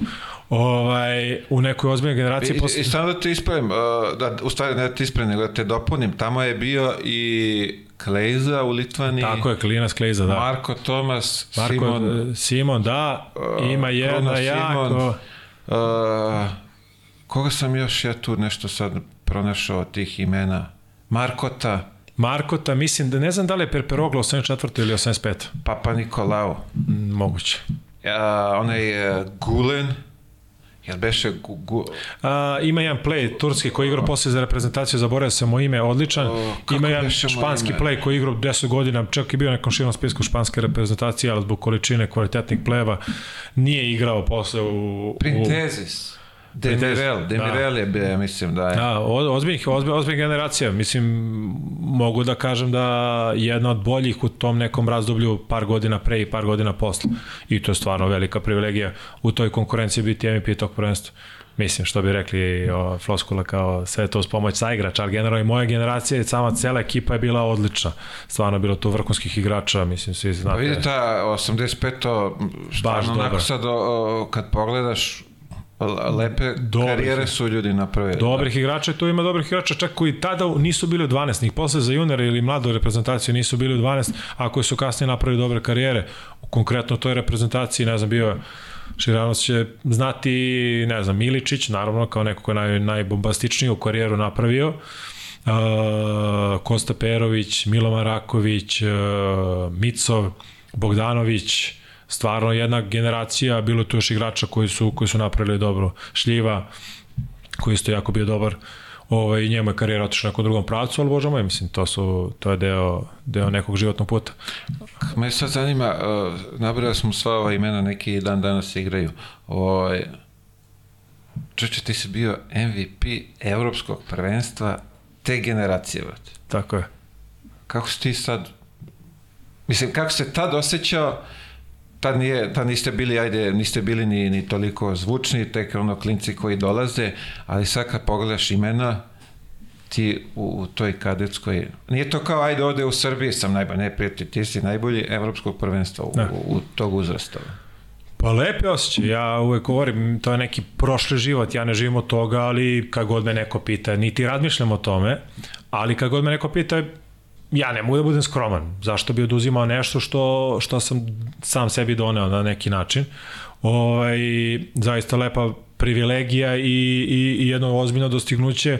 U to vreme nije toliko bilo, nije, nije bilo uopšte socijalnih mreža tih nekih stvari. Ono što je, Pa nije bio, ja ne nije bilo ni ničega. Dial-up, Da, ali je bio da, uopšte tamo u Srbiji. pa ako baba podigne slušalicu, aj pokušajte ponovo. Ta dvojna linija, Da, dvojna linija. ovaj, šal na stranu, uh, kažem ti tako da to nije, nije propraćeno kroz medije toliko. Ono što sad pričam iz svog nekog ugla, a mislim i na druge igrače koji su neke slične stvari doživeli, uh, na primjer jedan Ricky Rubio, ne upoređam sa sebe, uopšte neću da zvučim pretenciozno ili bilo šta nekako ovaj, prepotentno, uh, jedan Ricky, Ricky Rubio kao neko ko je istu tu titulu imao kao i ja, je za te godine odmah dobio 30 minuta u Juventudu sa 16 godina. Sledeće, on je tamo je otišao u Barsu, već je priključen prvom timu prve A reprezentaciji i oni taj neki sistem, ne kažem sad za sebe, nego generalno mislim da kod nas nekad fali ta istrajnost u, u, u nekim projektima. Ja se sećam, mi smo klinici bili 15-16 godina i oni su rekli, Rudi Fernandez, pritom sam igrao i čuvao se s njim 20 puta i nikad nisam osjećao da ne znam, neki ludački kvalitet, on je onako lepršav, fin šut, laga, provodar, može da zakuca, ali nisam osjećao da je sad to nešto, da ne može se čuva ili šta god. I ovaj, oni su rekli, Rudi Fernandez je najbolji, najtalentovaniji igrač u Španiji od Poga Sola pošto Marga Sol tad stvarno Ne, generalno on- on više igrao zbog Buca, trontica. Da, više igrao zbog brata, kasnije je bio, mislim, Ne, ja kažem, postao- on je preteča Jokića po mom, E, po, bravo. po načinu igre, stvarno i ta inteligencija, način razigravanja sa igrača, može da šutne s polja, unutra zna da zazida, tako da, o, oni su tad zarekli za Rudija Fernandeza da najveći potencijal, i evo ga Rudi Fernandez i 20 godina kasnije i Kustor i dalje igra za tu reprezentaciju. Ne znači, nije nužno da on mora da igra, ali da. ja ti kažem, taj neki projekat i taj neki put gde ono što je simpatično juče sam pričao sa ocem i on kaže um, budi odmeren ja rekao bit ću isti kao što sam inače. Ja nemam razloga ni da spočitavam niti ni podaštavam sebe niti bilo koga da, da ovaj veličam ili, ili nešto drugo ili kontra. Uh, ono što je zanimljivo da da nisu neke stvari išle u pravcu u kojem je trebalo, a između ostalog to je da posle kadetskog prvenstva Evrope uh, jedan dete samo je da te godine radnički prvi tim je išao na, na pripreme, kažem, ja toga ne živim, niti sad nešto žalim za tim, ali to je činjenica, apropo tih neke zanimljive stvari, jer mislim da možda neki drugi ljudi mogu da prepoznaju sudbine svoje, svoje dece ili nečega, iako je to sa malo drugačije, malo je to proširenije, malo je veći atak na, na talente od ranije mladosti. Ovaj, ja tada nisam bio pozvan na pripreme prvog tima kao najbolji kadet Evrope. A neki moji saigrači, moja generacija i neko koji je godinu dana koji je sa mnom igrao u radničkom poslu su bili pozvani. Ne kažem da ja treba da igram, ali nekako nagradi što dete. Tako je, treba nagradiš, da nagradu. Tako nagradiš je, što dete bude tu oseti taj duh malo seniorskog života, seniorskog načina pristupa treningu, čvrstinu u igri i tako dalje, da bi se desilo da bude smena trenera da dođe Aca Petrović u decembru, ja sam tada uporavio, imao sam neku povredu zadnje lože, dva meseca nisam igrao, da u decembru dođe Aca Petrović i pošto je me gledao tad kad smo igrali u Železniku i odmah me prekomanduje u prvi tim iz povrede. I odmah sam igrao prvu ligu, što je bilo stvarno velika čast. Jeste radnički da ima malo slabiji tim, ali sa 16 godina igrati po 15, 20, 25 minuta, 2, kažemo 20 minuta je ozbiljna privilegija, ali se to desilo da, da, da te pozove trener koji nije bio nužno trener radničkog. A te godine u decembru sam bio proglašen za najboljeg mladog sportistu Jugoslavije. Sportistu, ne košarkaš. I onda tu nema, nema neke logike. Složit ćeš se, mislim, da. bit ćeš saglasan što bi rekli. Ove, ne, ne, a sad kad si to rekao, o, kad razmišljam stvarno, ti španci, kad, kad nekog u, uoče da i projektuju, či taj dečko se pazi, čuva, da. mazi i ulaže se u njega i dobit će i minutažu i vreme i sve što je potrebno jer je to za dobrobit španske košarke. Da. I ti momci njima vraćaju Du, godinama, evo. Godinama posle. 20, pričamo, to je bilo 2001. Prva, ove, druga, 22. Znači 20, 21 mm. godinu oni njima i dalje vraćaju. Znači samo, ali kod nas ovaj, slažem se s tobom, kod nas ti šansi nema. Ja to, kažem ti, izvinim što te prekidam, to ne pričam, baš uopšte ne pričam i sad nekog, meni je to bukvalno drugi život i ja. Ne, vidi, uopšte ali ne, više što si ti upitao, nego sad kad si pokrenuo tu temu, o, stvarno je tako. Ja, ja kad sam otišao tamo o, u Španiju, Marga Sole bio u Gironi. Da. Znači, i u tom momentu, iako je bilo mnogo iskusnih pored njega, sva priča, sva, sve oko vezano u Gironi se vezalo za Marga Sola, jer je on bio projekat broj 1. Da.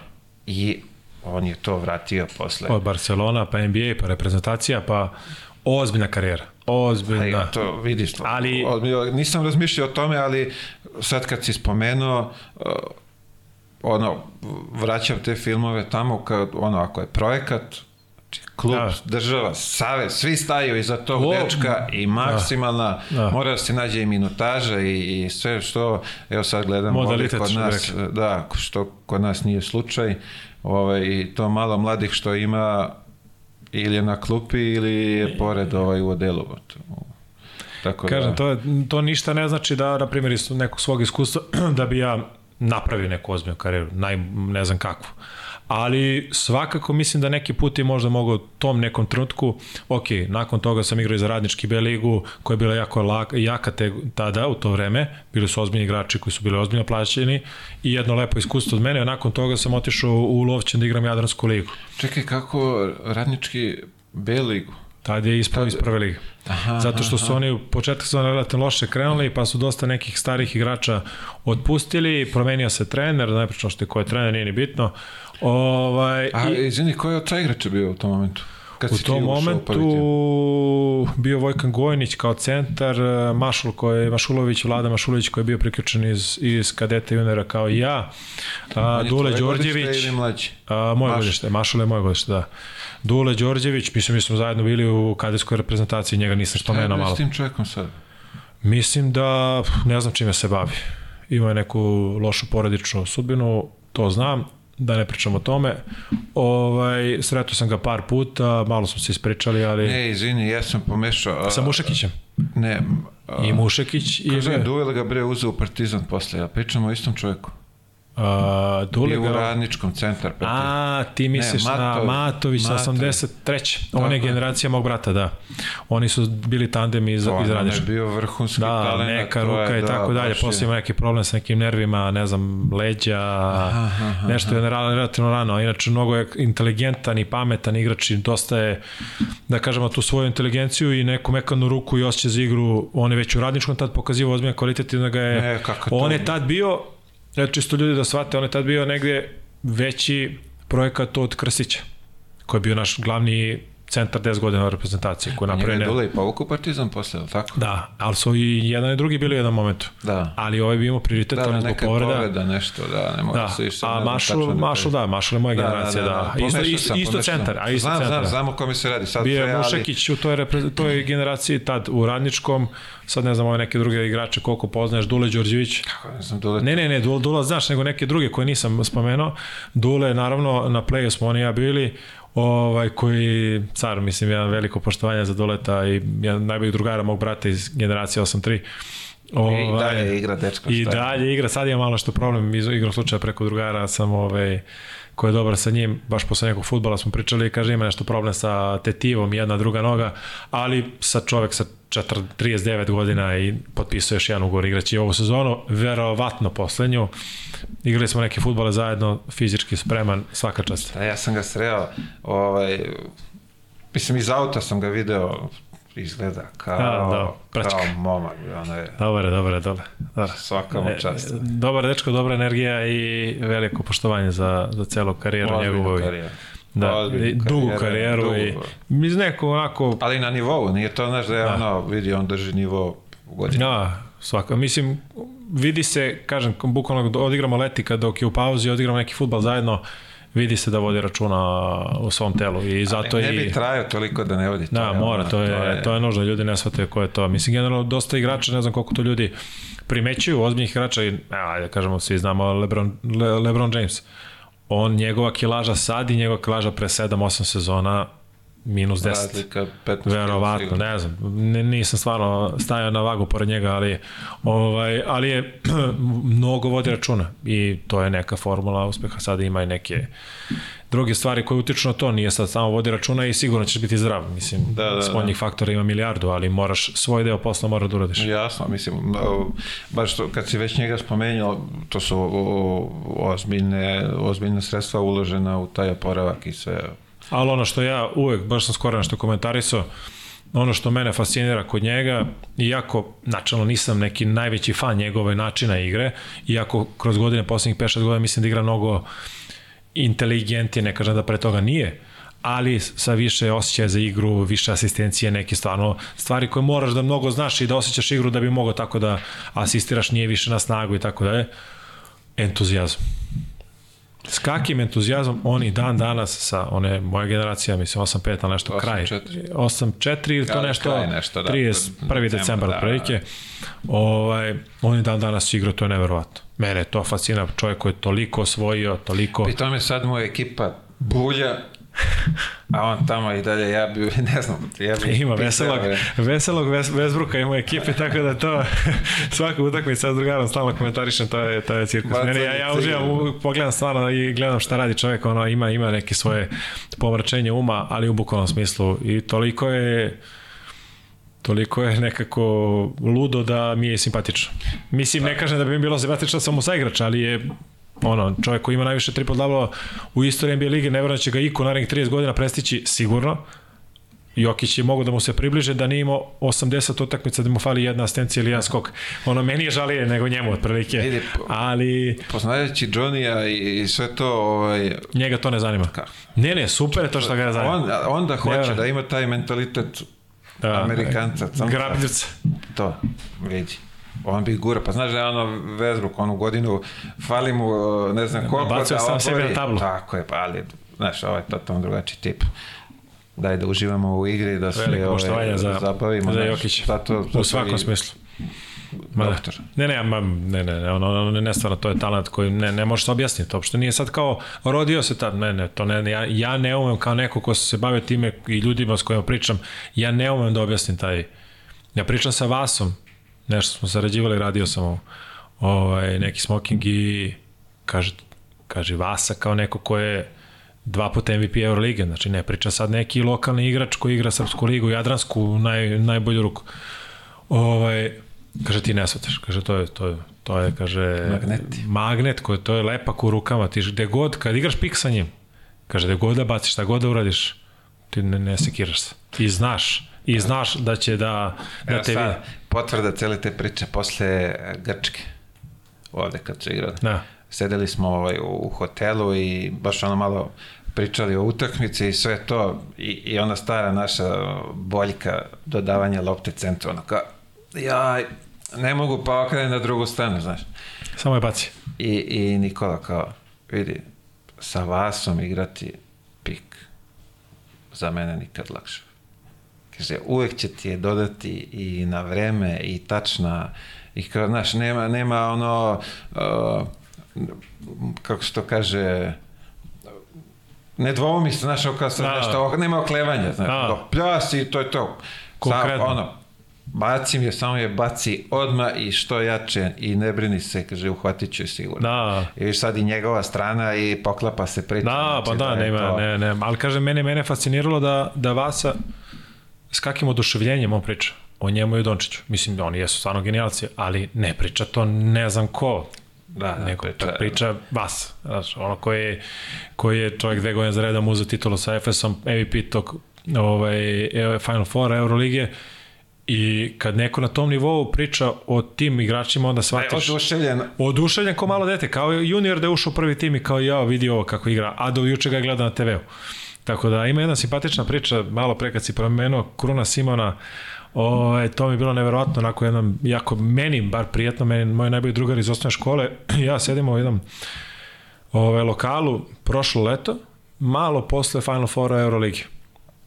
I pošto smo u bašti sad preko puta ulici ima neki parkić i I on sedi u parku, uzo piće i sedne u parku, tipu neki somrez bio, nešto lagano, neki ovaj, pije sa devojkom, verenicom, devojka, nije ni bitno.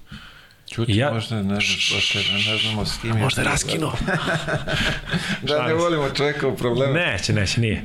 Ovaj, I ja sad Vasu ne znam, ne znam ga lično nikad se nismo upoznali, znam Misliš, ko je. Kruna ili Vasu? Vaso, Vaso, Vaso. Vaso je sedao u tom kafiću. Aha, aha. Vaso, Vaso, Vaso. Okej. Ali ga je on posle kroz priču pomenuo Kruna Simona, sa igrača iz Efesa.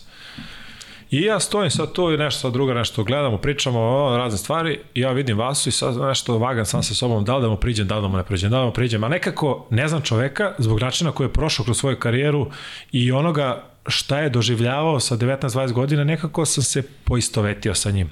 Jer sam ja sa 6 godina ušao u prvi tim, sa 19 kao, ma nije to to, nije talentovan. A neko ko uđe sa 19, u, kao ovaj potencijal, čekat ćemo ga 2-3 godine.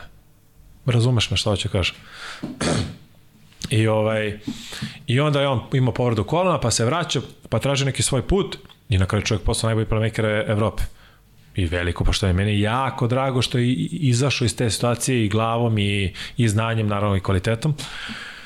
I kad se to desilo, to je bilo su posle prve te titule i ja onako ljudski sam imao potrebu da mu, da mu, da mu čestitam. Ako ne znam čoveka, nismo se nikad upoznali, rukovali.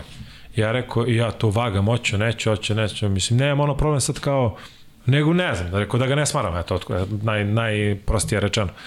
I ja kažem, ja priđem jednom momentu, rekao, izvini što prekidam, rekao, ovaj, rekao, rekao, ja, sam- ja sam Veljko, kaže on, inače sam rekao, igrao u klubu kom si poniko, misleći na, na Megu. Jer Mega kad je postajala, ja sam tada došao ovaj, iz, uh, iz Lovćena. I on, on me ovako gleda kako je sedeo dok sam, dok sam pričali i on me gleda i kaže da, da, da, da, znam. Ja kažem, da, da, znam ko si. I ja kao, ja kao, dobro, i da nastavim dalje priču, I on na to se nadovezuje dve sekunde kasnije kaže, da, da, skoro sam te pominjao sa Krunom, sa Simonom, baš smo nešto pričali o tebi. I ja, ono, veliki znak pitanja iznad glave, ono, boldirani. I ovaj, on kaže, ovaj, ja rekao, kojim dobrom i on, bukvalno začuđen naš, Kaže, da, pričali smo o nekim stvarima kao ko je u toj generaciji 83. 4. 5. 6. 7. ko je bio dobar kao kadet junior i Kruno Simon te pomenuo, pa to je bilo 2001. godine, ovo kad smo mi pričali bilo 2021. Ravno 20 godina kasnije i to mislim da se gađa u 15 dana. Ovaj, I kaže, baš smo te pomenjali i on te pomenuo, kaže, bio u reprezentaciji Jugoslavije, tada je bila Jugoslavija, nije bilo još ni SCG, kao Veljko Tomović, kao playmaker, kao, kao ubica, super je bio.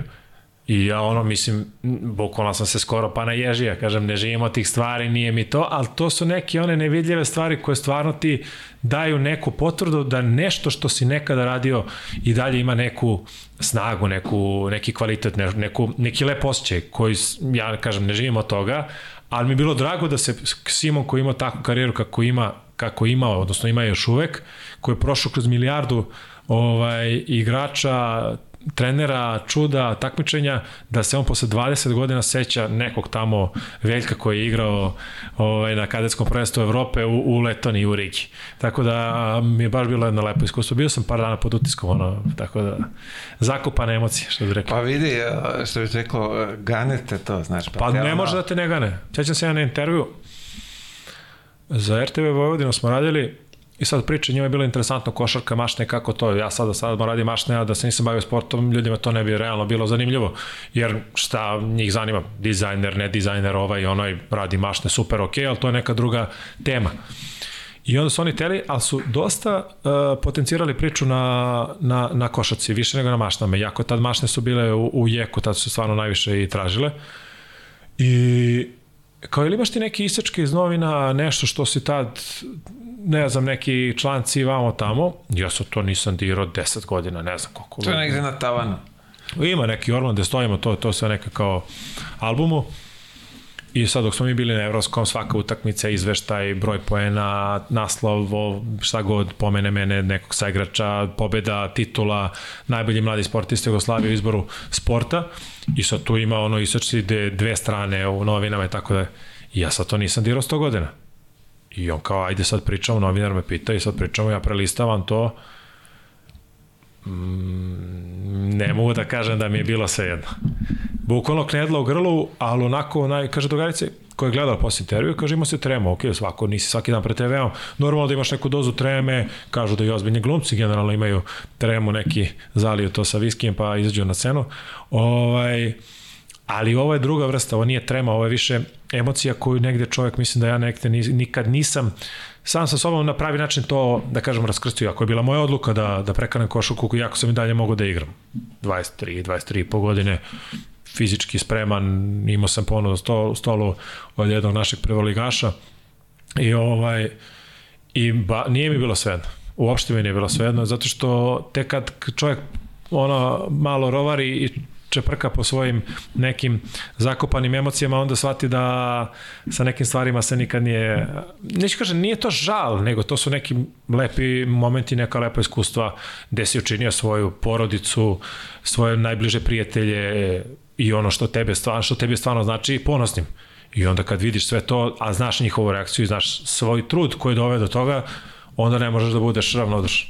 Vidi, ali taj tvoj uspeh u tom momentu je ono skidam kapu to je stvarno o, aj kad, kad smo već kod toga uh, ta reprezentacija 85. trener je A, Steva Karadža Stevan, Stevan Karadžić, da. Karadža, da, okay, trener je bio je. Igor Polanek, on je bio meni u radničkom, pa je posle preključen prvom i kadetskoj reprezentaciji. E, sećaš nekih, kako je to krenulo, te pripreme, ovaj, pred put, uigravanja, za sama ta evropsko, generacija, tako, za samo tako je.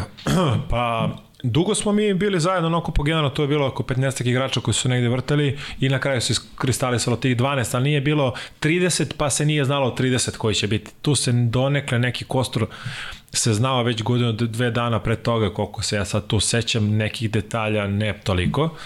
A, nas je vodio jedno dve, tri godine Bućan, I, I onda su zamenili Bućana i Stevu negde, negde oko šest meseci pred prvenstvo. Iz nekog razloga. Sad, da ne ulazimo u to, neke stvari koje nas nisu doticale i nismo mogli da utičamo to, ni nas je kao klince zanimalo. I, ovaj, i sećam se da smo pripremili za evropsko prvenstvo krenuli u Guči. U Guči? Da. kojom, koja matematika? Sviraju trube, koja- a mi trčimo na futbolskom stadionu i vičemo mi smo prvaci. Ovaj, zezaš, Guča? Guča, Guča, ja, ja ne znam ni jedan košarkaški klub, e, tim koji je išao u Guču na pripreme, ja ne znam. U stvari jeste, je, znam, brat je jedan put sa Zvezdom, kad je bio ovaj, tamo negde, to je bilo neka 2000 četvrta, peta, bio sa Zvezdom pripremama u Guči. To je jedino, jedino da ja znam da Koja je ima to tu ne. kombinacija bila? Ne, da se ko će ga, znate, da. mi smo tamo bili desetak dana, tako nešto, 15, imali ono, više ono, kondicione pripreme, trčali na futbolskom terenu, a, kondicija, brzinska izdržljivost i, i punjenje pluća, što bi se reklo. E, tu smo bili 10-15 dana, onda u Beogradu neke pripremne utakmice, nešto tako smo imali, onda smo otišli pred Evropsko u Pariz na 5-6 dana, prilike. I to smo igrali sa Francuzima koji su bili dobri, posle tu bilo par nekih ovaj, igrača koji su zakačili Euroligu i zaboravio sam imena. A, onaj Petrov, ja mislim da je generacija. Petra, tako? bio je i neki play koji je Kec dvojka, onako dobra fizika. Bilo, mislim, generalno sa Francuzima kad si klinac nije ti, nisi ne igraš lagano. Iako kad uđeš u ritam, dobijali smo ih lagano, 15-20 razlike skoro stalno. Ali kad dođeš na zagrevanje, ono, od nas 12 naš sedmorica, osmorica, pipamo tablu i palimo baklju. Otprilike kad pipnemo, kad pipnemo tablu, slavimo tri dana, A oni zakucavaju, koje, ovaj, da. znaš, i ono ti je čudno, nisi naviko. Generalno, nji- njihova je reprezentacija uh, ima, ne znam, dva belca i četiri i deset ovih uh, tamnoptih igrača, da kažemo crnaca. I ovaj, I to stvarno neka fizika koju mi do tada nismo imali priliku da se su, ono da, da se suočimo sa takim takim ovaj protivnicima ali smo tehnički bili mnogo potkovani i bolje njih i onda smo tamo igrali neke dve, tri utakmice, koliko se sećam, išli smo direktno u Rigu. Uh, ja se sećam da sam pred to prvenstvo, baš na turne- prvenstvu uh, kadetskom Srbije se povredio zadnju ložu, jer sam povređen igrao i nisam teo da, da izim iz igre, naravno pravio sam se blesav da me ništa ne bolio, naravno jedva sam hodao posle utakmice. I, ovaj, I uzeli smo tu titulu tu kadetske prvenstva i ja na kraju pred Evropsko mesec i po dva nisam trenirao uopšte. Nisam mogao da treniram zbog tih pokidanih la- vlakana i onda sam došao u Guču, tu sam se polako vodio trening, ali ono što je zanimljivo što kažem, ovaj, nije sad neka ovaj, izmišljotina ili bajka, ali ja sam bukvalno godinu dana, šest meseci, godinu dana, tad sam imao kao neka prva ljubav, devojka, vamo tamo. Ja sam njoj, seća se kao mi kod nje u stanu i pričam je kao ceremonija dodele medalja i kao Veljko Tomović najbolji igrač. Ja sam to njoj govorio sigurno oko godinu dana pre prvenstva. Negde, ja sam to negde da neki način sanjario. A vi ste O, malo pre smo pričali moć posvesti. Da. To je, Da, a jeste, kaže, nekad, nekad im, imam i dalje donekle to, ali nekad mi fali ta, ta glava iz tog Bitno je perioda. sad ovako malo, ovaj, ima više slobodnog vremena, pa ajde kažemo, edukujem se, znaš, pa neke knjige i to, i mnogo je bitna stvar da ti ovaj, u svojoj glavi uh, Projektuješ. zamisliš, projektuješ tu neku scenu koju treba da odradiš da je već u, u glavi ovaj, Da, da ideš ka tome, da imaš neki cilj, tako smernicu. je, da, i onda će tako i da bude ta, tako A, da, to je, to je, to je nevjerovatno, mislim ja sad to kao neko može kaže izmišlja, ne izmišljam, nemam ništa od toga, niti generalno to sam postigao, ali stvarno sam imao to u sebi i to nije sad kao neko sanjarenje bez pokrića.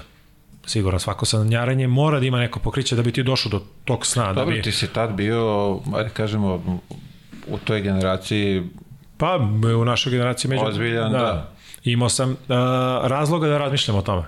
Ali sam Sa sebi pravom. po u svojoj podsvesti i ovaj instinkt sam terao ka tome da da to stvarno i učinim i neverovatno je da sam kažem tih nekih dva meseca pred prvenstvo sam je bio povređen, nisam, nisam igrao mesec, mesec i po dana, ali taj neka, da kažem to neko samopouzdanje, a, ne prepotencija, nego baš samopouzdanje, ta neka vera u sebe, u ekipu i, ta, i, i stalno sam govorio sebi i na tim pripremama kad smo trenirali, sećam se, mislim, klinački, ono klasično ovaj, loženje i, i ovaj, što je i normalno i treba tako da bude, mi smo ono trčimo, raspadamo se, bit ćemo prvaci, nešto vičemo, tamo urlamo, ovaj, ponašamo se kao ovaj, neandertalci, ali generalno, ali generalno se to vodilo, nekakva ta atmosfera i to i u svim timskim sportovima mora da postoji da bi, da bi se došlo do nekog cilja. Tako da sam totalno nespreman otišao tamo na pripreme i spremao sam se kroz to i generalno bilo je tu uvek nekih i uspona i padova, ali celo prvenstvo sam sa nekom ozbiljnom fokusom i glavom. Sećam se da sam se vratio ko sam, nisam tada još uvijek ni napunio 16 godina, pošto mi je avgusto rođendan. I ovaj, znam da je, bi, bi, bio sam fazono u ovo najteže, ne samo fizički, to je bilo 8 utakmica u 9 dana, 10, nego pošto sam igrao po 30, 30 nešto minuta, svak 30, 4, 5, bukvalno proseku, uh, fizički, psihički najteža stvar do tada u životu, mislim, kogo da to smešno zvuči, ali, ali ovaj, to su neke, neki trenuci koji ne mogu da se kupe ni sa čim, mislim. Ne mogu, ne mogu, jednostavno, ne mogu nekome da objasnim svoj osjećaj kao ti kad si igrao sad neki na ozbiljan klub u nekom ozbiljnom ambijentu da si dao neki koš za pobedu ili nešto, način na koji si došao, možda si do tog koša pobedio sebe u hiljadu nekih svojih strahova, nekih svojih briga, kalkulacije u glavi i došao do toga da, da si stvarno pobedio i dao neki koš koji možda ti je bila neka zebnja, neka sekiracija, možda da si mislio da to ne možeš. I ti si radio, radio, radio i dođeš do toga da, da to stvarno uradiš. I to se obistine i Sad, neko tamo će se raduje zbog tvojeg koša, navijač tvoje ekipe, ali tvoj osjećaj, ne, ne, ne, ne može to se kupi. To znaš, samo ti, možda tvoj najbliži, donekle, možda. Tako da to su neke stvari koje, ja kažem, sve lepo posao, biznis, čovek radi da bi živeo i naravno, hvala Bogu, ja se sad bavim poslom koji volim, ali neke stvari koje ostaviš kroz sport, kroz to neko takmičenje, e, proces kako dolaziš do toga, ljude koje činiš ponosnim, e, borbu, timski duh, sve to ozbiljno dugačak put. A, u toj generaciji, napomenuli smo malo pre, strašno dobra imena, posle su ovaj, na, napravila karijere. Kako su oni ponašali tad, ajde kažemo, u, u, u tim momentima kad ste onako bili klinci, što kažeš, drali ste se po tom terenu, ovaj, pre svega me zanima Darko, pošto on je posle ovaj, najizvučniji od te generacije. Pa dobro, Darko je jedna jako zanimljiva, mislim, često je sad u javnosti generalno ljudi ga znaju kroz neke druge stvari, predmet neke osude ili tako dalje. Specifična drugačija ličnost. Ono što je meni zanimljivo kod Darka je što prvo neko kupljenje naše, gde sam ja njega video, onako dugajlija mršav, ruke do kolena, sav krakat, onako ko pauk, To je bio neki vršac, neke pripreme, u nekim paviljonima smo spavali, nas 20 u sobi, duva neki vetar, bukvalno stravo, samo sam čekao da će neka veštica da izađe iz hodnika i da nas napadne sve. Ovaj, Darko je primio tim pripremama, sveća su 10 dana smo tu bili, on nije progovorio dve reče. Nakon toga je Buše mene stavljao s njim u sobu, dva, tri puta, četiri puta sa nekim obrazloženjem.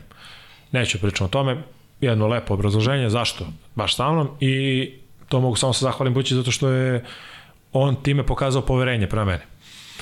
Uh, I kako je prolazio vreme, Darko se sve više i više opuštao i imao je zanimljiv smisao i za humor i dosta je čutao, ali kad ubaci nešto, to je stvarno bilo smešno i način na koji on to ovaj, prikazivao.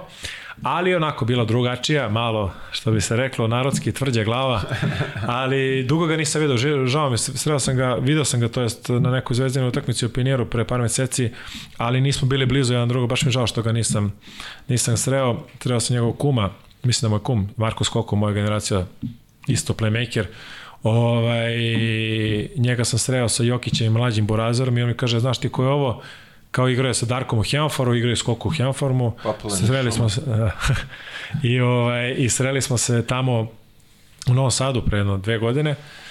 I, ali nisam sreo, nisam sreo Darka, što mi je dosta krivo, jer generalno izgubili smo konta, ne družimo se mi, ali je da, zanimljiva, da. zanimljiva glava, zanimljiva osoba i kao klinac je bio onako malo drugačiji, posle imao nekih ekscesa i tih stvari kroz karijeru, što ono, običan narod zna. Neko sa nama, sa nama je bio super uvek i lepo smo se zezali i bio dobar uvek za atmosferu. A reci mi, je on tad, ono, kažemo, pokazio taj talent neverovatni u jest, tom momentu. Jeste, u tom momentu on je već kao, kao u kadetskom prvenstvu Evrope, on je, na primjer, finale odigrao strašno dobro.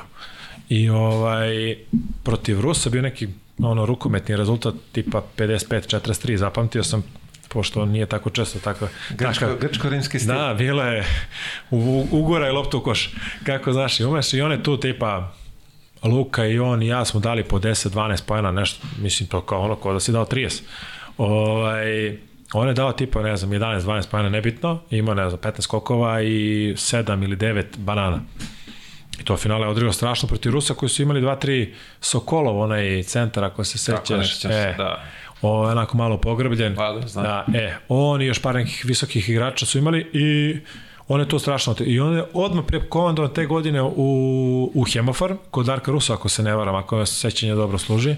Ne, ne, mi smo tada, mi smo došli zajedno, ja i on smo došli zajedno, to je leto... 2003. U, bravo, ta priča 2001. Prvo je, tako je, da, da, upravo si, da, izvini. On je tad, on je tad ovaj, odmah prekomandao u prvi tim i dobio šansu i igrao dosta. I tada je pokazao par nekih utakmica, sećam se i u Železniku nešto odigrao protiv Ašketa i Nika, neku strašnu tekmu, 20 pojena, 15 skokova i tu je odmah on skočio u orbitu, ovaj, katapultirao se na tim NBA i draft forumima i ostalim stvarima i, ovaj, i njegova karijera se realno u, u dva dana promenila. Mislim, ne bukvalno dva dana, ali razumeš što ću kažem. A, Tu je bio Kosta Perović, Luka Bogdanović, ne znam, Micov, Šljivančanin, uh, Raković, li tako više? Raki, da. Raki, on misli, sad ovako kad nabrojiš, ona pogledaš... Da, ozbiljno, pa generalno igra. može se izvući jedno pet, pet ozbiljnih karijera. Ozbiljnih, sad neki su možda plus, neki minus. Generalno, pričali smo, mogu i da kažem i ne moram, ko je meni to najozbiljnija karijera od moje, naše generacije, moje generacije je napravio. Vlada Mico po mom nekom mišljenju skromnom, najkonstantniju i misleći na, na ulogu koju ima u, u ozbiljnim klubovima, sa ozbiljnim saigračima, ozbiljnim trenerima, kroz nekih 10-15 godina. Svaka čast svima ostalima i to su bile ozbiljne karijere sa ozbiljnim ugovorima, ali mislim da je što se tiče nekog konstantnosti kontinuiteta, mislim da je on napravio ozbiljnu karijeru. Darko naravno zbog toga što je na najjačem NBA draftu u istoriji NBA lige bio drugi i ima taj zagarantovani ugovor. Nažalost se njemu neke kockice nisu poklopile, otišao pogrešan tim. U to vreme koji imao je, imao je svoje, da kažemo, ove šampionske ambicije, on je dobio šansu pored Ben Valasa, ali Darko je sporadično pokazivao ozbiljne utakmice i kvalitet i u NBA ligi, što nažalost nije istrajao do kraja zbog te neke svoje malo ove, vihorne glavice. A, ta vihorna glavica, kako se ponašala na tim uh, trenizima tamo? Pa dobro, u principu dobro, Uh, tako kad smo bili kadeti, kadetsko prvenstvo dobro, posle toga znam da kad smo bili na juniorskom kvalifikacijama za juniorsko prvenstvo Evrope, da smo nešto neplanirano se nismo kvalifikovali, tu je bilo nekih par situacija, ali da ne detaljišam davno je to bilo, ali tu je bilo nekih situacija gde smo totalno ono, sami sebe pobedili, razne stvari su tu dešavale, da je To беше Nemačka gore, ona je tako, E, ne, to je bila, mislim, neka Češka. Češka. Znam da je bio, tad je bilo neko okupljenje u Nemačkoj, non stop su bili neki turniri. A ne, u Mannheimu je bio, Mannheimu je bio nezvanično svetsko, tu smo bili treći. Aha, aha. Nezvanično svetsko gde smo igrali, igrali smo kombinacija, to je bila juniorska reprezentacija koja je bila kombinacija igrača 84. i 85. I pošto mi kao 85. smo bili dosta dobre i jake generacije, dosta nas prekomandovano je u stariju grupu i tu smo bili treći. Izgubili smo od Grka u polufinalu, to se sećam te utakmice, Perperoglo nam je dao 8 ili 9 trojki. Iz nekog razloga, zonu koju nismo nikad vežbali, smo stali u zonu i ovaj, on nam je dao jedno par nekih trojki, da ne kažem par 8 ili 9, nešto baš nas je upropasio. A bio i Vasilidis, bek, dvojka, baš ja sam bio zadušan za njega, tako da on nažalost nije, mislim nažalost, on nije, nije ovaj, ima neki učinak možda 3-4 pojena, ali Perperoglu nas je tad, bio tad i Baby Šek ili Sofo, Skorcianidis, Je li tad bio onako baby? O, da, je baš mega baby. O, da, Sofo je bio impozantan i kao klinic, tada sa 15-16 godina stvarno jedina naša sreća kad igram protiv njega, jer je on dosta im- os, ima osjećaj za igru, ima mekanu ruku, pokretan je, ali naša sreća je, nije on bio toliko ovaj, krupan, da budemo politički korektni, ovaj, ali je imao sreće što nije, imao neku kondiciju, što je prirodno. I onda je igrao, ne znam, tri puta po sedam minuta i toko je mogo da, da izdrži, ali generalno kad je bio na terenu, jako ga je teško bilo čuvati. Bez obzira što smo imali tu i Darka, i Kostu, i Rakija, i Mašula, stvarno ozbiljni centri kao klinici, Da, ali da, da, da. nismo nije bilo naivno. Tako da smo tu izgubili, na kraju smo bili treći na tom nezvaničnom svetskom u Majhamu. I nakon toga je bilo to kvalifikacija za Evropsko, što se mi nismo kvalifikovali, to je bio baš veliki neuspeh. Generalno ozbiljna ge- generacija. Mi smo bili tipa Česi, Slovenci, gde je bio braća Lorbek, Domen i Erazev, ovaj, kako se zove drugi, ovaj centar, Razem, tako je. Da, Razem. Lorbek bio je ovaj Vujčić, onaj, cent, onaj šuter iz, iz Lakersa. Tako, Saša. Je Saša Vučić, da. I bio je, čini mi se, play, play, kako se zove, uh, stavi mozak, Močičik. Moć. Mislim da ima neka dva i neki mlađi koji je posle igrao i ovaj koji je dobar play, onako zanimljiv. Onako više ne podsjeća nekog španskog playa, onako dosta dosadan i ne vidiš ti nikakav tu sad padanju nesvest kvalitet, ali generalno je imao kvalitet koji donosi na terenu i nije bio lagan ni za odbranu ni za napad. I tu smo izgubili od Slovenaca, iako smo vodili tipa prvo četvrtinu, nešto 10-15 razlike, pa neka glupa situacija, ali nažalost ta generacija je mnogo manje pokazala nego što je mogla. A, sa tog evropskog u, u, u Rigi, od tih svih imena koje smo nabrali, koji su kasnije napravili stvarno vrhunske karijere, a, ti zapao neko za oko tada je bio ubica? Pa Kliz. Mislim da su Litvanci uzeli prvenstvo, on bi sigurno bio MVP. Toliko je dobar bio? Da, Dakle, bio, dominantan. Uh, ono što je bila njegova prednost u tom trenutku, on je tada igrao četvorku, a imao je, da kažemo, pokretljivost trojke. A pokretljivost, a snagu četvorke.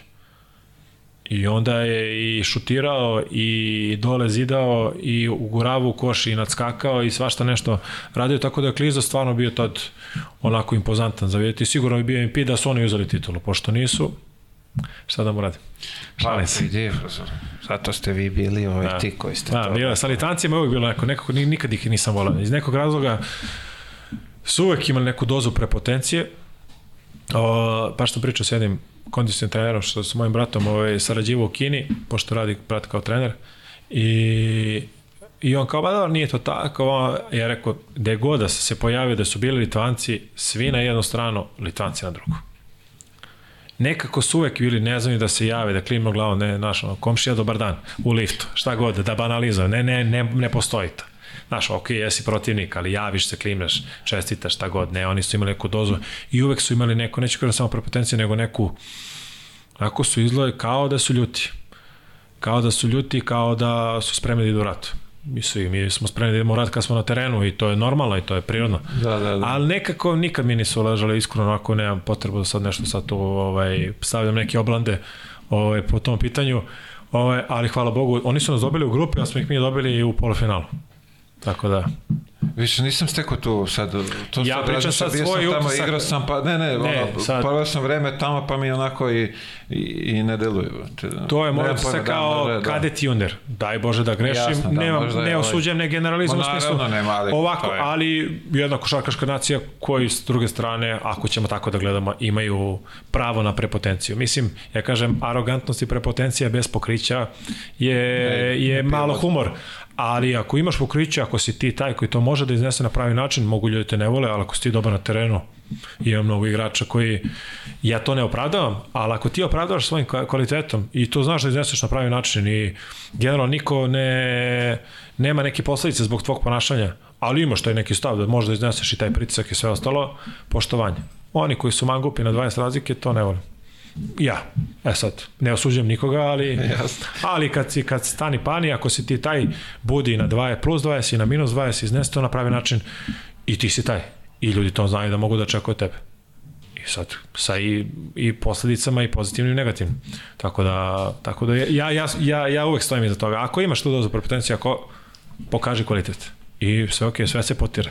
Ne, ne znači da možeš se ponašati kako god, ali znaš i sam kako neko nekad neko ume da malo isprovocira navijače, generalno ne podržavam to, ali ako ti svojim kvalitetom ne ugrožavaš nikoga i nisi stvarno, da kažemo, nepristojan i nekulturan, jednostavno imaš to ja sam taj, daj mi loptu, ja ću da rešim utakmicu i ti svojim kvalitetom i, i u dobru i u zlu to znaš da izneseš, ja to poštam. Apsolutno. Uh, pazio, uh, ti si MVP tog prvenstva, svi ovi ostali su iza tebe. Uh, šampioni Evrope, generacija ta, ono, stvarno, dobro, ajde kažemo, mega talentovana kad pogledaš sad i, i u tom momentu, a i posle kroz karijeru šta su sve uradili. Osjećaj tvoj, kako, kako to izgledalo? Mislim, vaš, sve, cele ekipe, prvak si Evrope, dolaziš kući, treba se sad, kako te gledaju ljudi, prijatelji, familija? Pa, To je bio jako zanimljiv, kažem, to sad nije toliko sem kroz novine propraćeno bilo samo žurnal sport većinom, ali nije bilo toliko socijalnih mreža, generalno sad vidiš i sam kadetska i juniorska prvenstva u, u, se prenose na, na, na, ne znam, na sportskim kanalima i sad ti imaš priliku da gledaš uživo. Sad, uh, ti neki kadeti ili juniori koji odigraju dobro neko prvenstvo, ali to košarka, futbal, odbojka, rukomet, šta god, ali već, većinom najviše se prati košarka i futbal, ovaj, već ljudi znaju za njih. Ako naprave neki kao, ne znam, ovi klinci kad su bili svetski prvaci u, u futbalu, beše Australija. Tako već. je, Australija, da. E, ovaj, mi smo to svi pratili, gledali, ok, to je na nekom višem nivou, a sad da vidiš neko kadetsko prvenstvo Evrope u 16, u 17, u 18, šta god, ovaj, ako imaš priliku da gledaš TV, ti već znaš te igrači, sad malo propraćeno TV, malo, malo novine, malo socijalne mreže i ti već si negde upoznat. Mi nismo toliko bili, da kažemo, popularni, nisu nas ljudi prepoznavali običan svet na ulici, što je negdje normalno, samo oni koji su bili usko vezani za, za košarku, ali jako je lepo i osjećaj dolazak na aerodrom, prije neka konferencija za štampu, kasnije u Savezu, neke, skoro sam mislim, neke isečke, to je, ne znam, vadili smo neke kasete pre jedno dve godine, kad je bilo iz uh, uh, ovaj level up dokonosti ovaj kod kuće i našli smo ne znam da je bio ubacivali kasete i i našli smo snimak i Saveza kad smo posle kadetskog prvenstva Evrope, ne znam, to su bili sa Vukašin Aleksić, ne znam, Micov, ja, golobradi smešni, mislim, to je ono, za slika, slika da se sam sebi smeš jedno tri dana.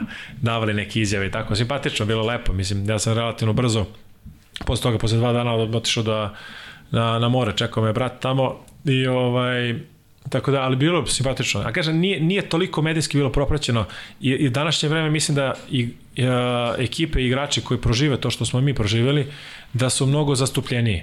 I mno, da li je to dobro ili loše, to je sad da, pitanje svakako filozofsko. imaju više medijskog prostora da, dostupno i, i sve ove društvene mreže. I sad meni je žao što, na primjer, ja dan danas nemam ni jednu utakmicu na kaseti sa tog kadetskog prvenstva Europe. Ne, ne, ne, nema opcije, nismo imali ni posle prvenstva. Znači, Šta se to ne može tražiti negde preko Ha, ne, znam neka, kako bi to moglo da se dođe. Nešto. Mislim da bi sad, trebala neka arhiva da postoji. Negde, ali ne znam ni da savest to ima, znaš. I, i kažete, s neke strane, da evociraš neke uspone, da vidiš, da se malo nasmeješ, da malo te, ono, prožme neka emocija, neka suza radosnica i ostalo. Tako da, mislim, osjećaj je bio lepo, ono, ne, nema šta, ali kažem ti, mislim da bi bio još veći da, a s druge strane, dosta mojih, na primjer, drugare škole u četvrtoj gimnaziji su znali da sam jako šarkaš, to je bila između prve i druge godine, ali i ovaj tamo je sportista, i onaj tamo je sportista, i ovaj igra futbal, i ovaj igra košarku, ovaj odbojku, ovaj, svi su sportisti. Ok, idi u sportsku gimnaziju, ja nisam teo, ja sam prvo teo zbog tehničku, pa tamo se to nije ovaj, o, ostvarilo. I prebacio sam se, tamo su mi bili i brat i sestra u četvrtoj gimnaziji, kao i majka koja je došla isto četvrtu. I onda, posle tog evropskog, kad smo bili prvaci MVP i onda su počeli ne toliko drugari, nego i profesori i ostali drugačije da me gledaju. I na neki način mogu kažem ono sad da se zahvalim posle toliko godina, što su zaista imali posle razumevanja, jer sam ja sa već u drugoj godini igrao za prvi tim od decembra, januara, trenirao dva puta dnevno i faktički sam imao a, status kao da sam a, u sportskoj gimnaziji. A bio sam u regularnoj gimnaziji. I to isto važe za treću godinu i četvrtu koju sam morao fizički, nisam bio u Beogradu da budem varedno jer sam bio na Cetinju. I tamo sam otišao zbog Jadranske ligi. Jedno lepo iskustvo. To je jasno. Uh, imaš neku anegdotu sa tog uh, evropskog prvenstva? Pa nemam, iskreno ti kažem, mnogo je prošlo, bilo je raznih stvari, anegdota, sada nekog ne, ne ni podaštavam ili bilo šta, znam da kad smo ušli, kad smo, pošto smo bili dve različite grupe, mi i Rusi, I oni su prvo u dva tipa kao da je neko smešten na jednoj periferiji Beograda, drugo na drugoj periferiji Beograda i onda smo išli ka hali. Bili smo u istom autobusu i oni i mi.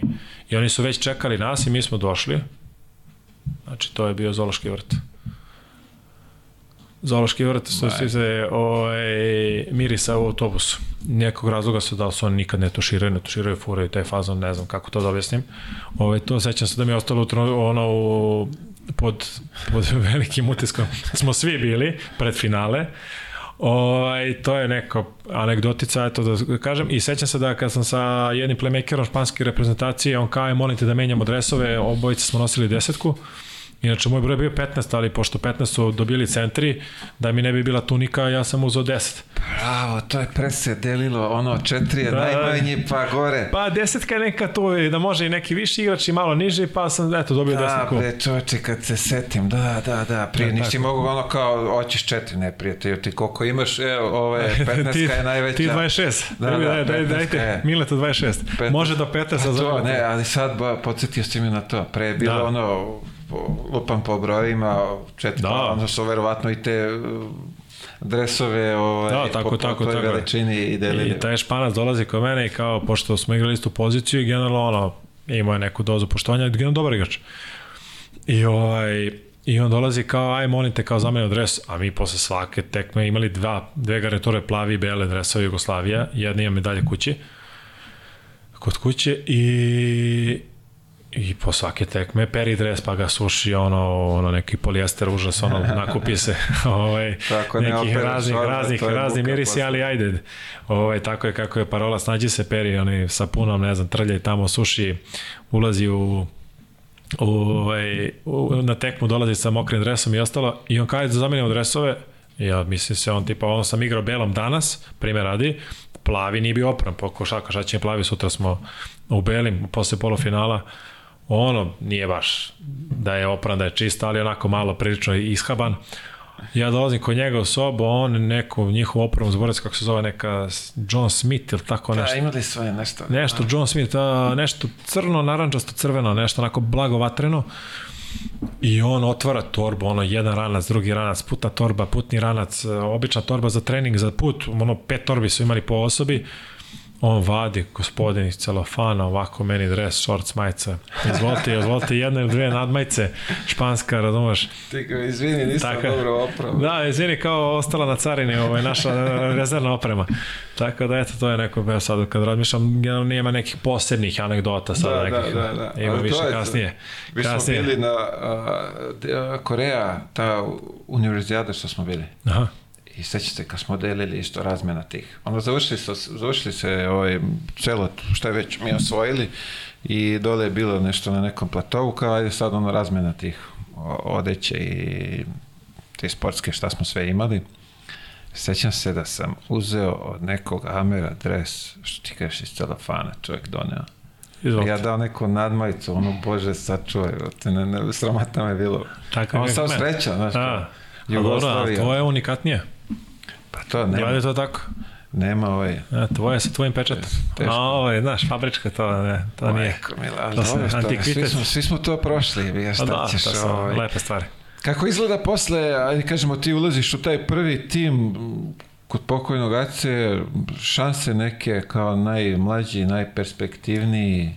Pa Ace je stvarno bio divan prema meni, ono, sa puno poverenja mi je dao neku ulogu, ok, mi smo bili oslabljen ta tim, i, ali sam ja pored toga bio tu bedljivo najmlađi. Od tih mlađih, ga kažem, 85. jedan sam ja igrao i bio je Mušakić kao 84. Dula Đorđević še, uh, treće i Pavke je igrao kao 84. ali tu smo, bio, svi ostali su bili stariji. Bilo lepo iskustvo, relativno brzo sam se navikao i ja kažem šta je ono kada u tom nekom momentu sam imao tu neku vrstu samopouzdanja, generalno sa nekim pokrićem. Ja sam imao tad osjećaj da ono kao, ako ja igram i ne možemo da izgubimo. Gubili smo, da se razumemo. Ali bitan je taj osjećaj, šalim se. A, bilo je lepo. A, relativno brzo me ubacio u vatru i dao šansu, pogotovo što sam dva meseca pre toga isto imao isti onaj problem sa zadnjom ložom, ali, znaš, kad si mlađi, kad ne razmišljaš o tome, nemaš, ti kreneš, a danas možda treneš matere, daj ti zeleno, ma boli me zloba, nema veze, idemo. Tako da je bilo lepo iskustvo. Radnički, nažalost, ta, te godine ispao iz prve lige, Ovo, imali smo dosta nekih nesretnih poraza, generalno i kad smo mi prekomandovani više nas mladih, veća situacija bila, mi smo bili prednute tabele, nije bilo ni realno, tad je liga bila bez Jadranske lige, bila ozbiljno jaka, ozbiljnih timova sa ozbiljnim ugovorima, tu si imao 5, 6, 7 ozbiljnih timova iz, ne znam, iz Zdravlja, iz Reskovca koji je imao ozbiljne ekipe, Kraljevo koje je bilo nezgodno, Hemofarm, Vojvodinu, Radnički sa Krsta koji je te godine bio slabiji, ali generalno ozbiljan prvoligaški tim, Zvezda, Partizan, za OKK Beograd ne mogu se setim da li je tada bio u Zenitu, ali mislim su i one bili Beobanka, ali mislim da ona već tada malo ovaj, se povukla sa scene. Tako da su bili tu ozbiljni igrači. I jedno lepo iskustvo, seća se da neka utakmica protiv budućnosti, neka moja prva, druga, treća utakmica u Šumicama, puna hala. I ja ulazim ono kao kao ovaj, Kikirez u igru i ne znam, Smiljke me, Aleksandar Smiljanić me čuva i pressing odmah, znaš da on igra jako odbrano, onako prilično agresivnu.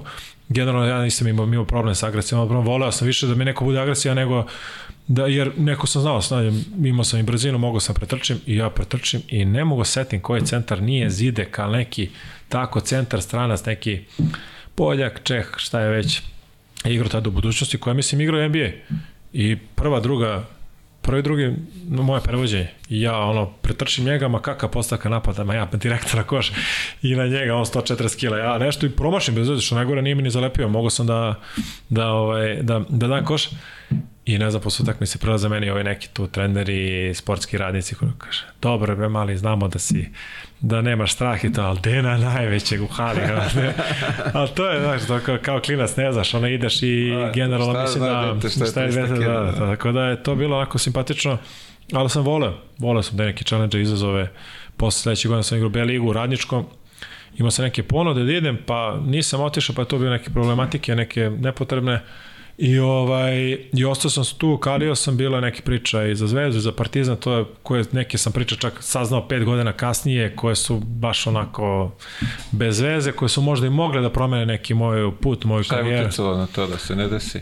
Uh, pod, ne, se kaže, ne bi baš da pričam, ali generalno sećam se jedne situacije kad sam bio na probi u Zvezdi i tad sam završavao treću godinu polu ono varedno, varedno redovno, nešto sam davao neke ispite kao na fakultetu i ja odem pošalja mene menadžer tamo i ja odem na trening i stvarno sam igrao dobro, ali trenirao ozbiljno i ima jedna anegdota, imenovaće ga bio ti gost.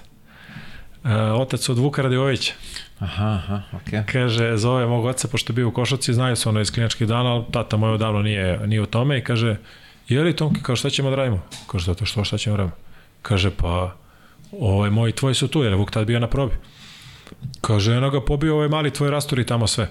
Čak su u nekom treningu trča neke kamikaze zbog nešto, ne znam čega, ali ja, generalno, to je bila i, i, i velika vrlina, možda čak i mana u tom nekom sistemu, možda je malo i strah da se nekom mladom da šansa da bude drugi play.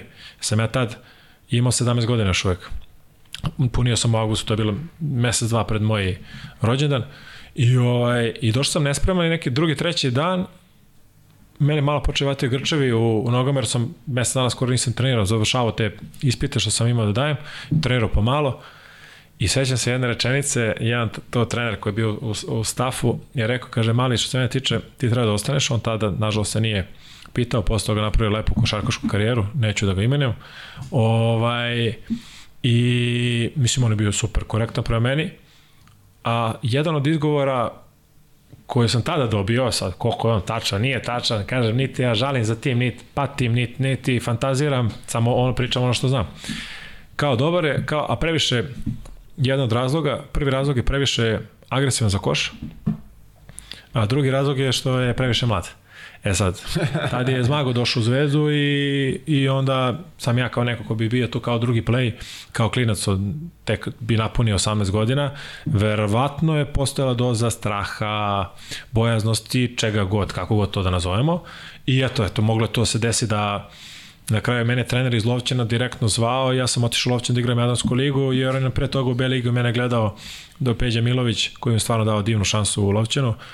Ovaj, eto, mogo je tad primjer radi. Za Partizan isto bila neka priča pre toga koju sam saznao par godina kasnije, koja je stvarno neka fantomska priča o kojoj ne bi da pričam. Mislim, totalno nebitna sad, ali, ali jako, jako simpatična jer jer se desilo da, da je neko pričao moje ime, odnosno ime mojih roditelja, pošto sam bio maloletno lice, ovaj, i traže neke uslove koje nikad niko nije ni pomislio kamo li izgovorio. A da vi niti ste dali da. odobrenje, saglasnost? A, a na kraju se ispostavio da Partizan rekao kao dobro, nećemo tog malog prepotentnog kao to ono, kažem ti, ja to, generalno to zna malo, mali broj ljudi, ali ja o tome ne pričam jer me ne interesuje, baš me ne interesuje u životu, pogotovo ne sad, a nije me ni tad interesovalo kad sam završio. Uh, Ovaj, ali eto, bila neka priča za to, za Partizan, jer su oni mene pratili, mi smo igrali jedni protiv drugih kao kadeti juniori dosta, znali smo se, bilo je tu ozbiljnih kvalitetnih igrača i u našoj ekipi i u njihovoj, A ovo za Zvezdu, eto, eto jedan, jedan detaljčić koji je eto, u tom trutku mogao da, da, da jednog da, da. mladog beogradskog, beogradskog dete da odvede u prvi tim Zvezde, ja kažem, a, nikad ne znaš, ko zna šta bi se tu desilo, ali moglo da se desi, na primjer, da pošto sam bio dosta istrčan i volao sam da igram i jako i kvalitetno i, i odbrani i napadu, da dobiješ neko poverenje navijača, da tu realno može karijera, nevezano za mene, bilo koga. Kao mladog igrača znaš kako svi naši navijači reaguju prema igračima koji daju 300% sebe i koji, i koji se bace glavom u reklamu i koji nemaju te strah koji, hvala Bogu, nisam imao.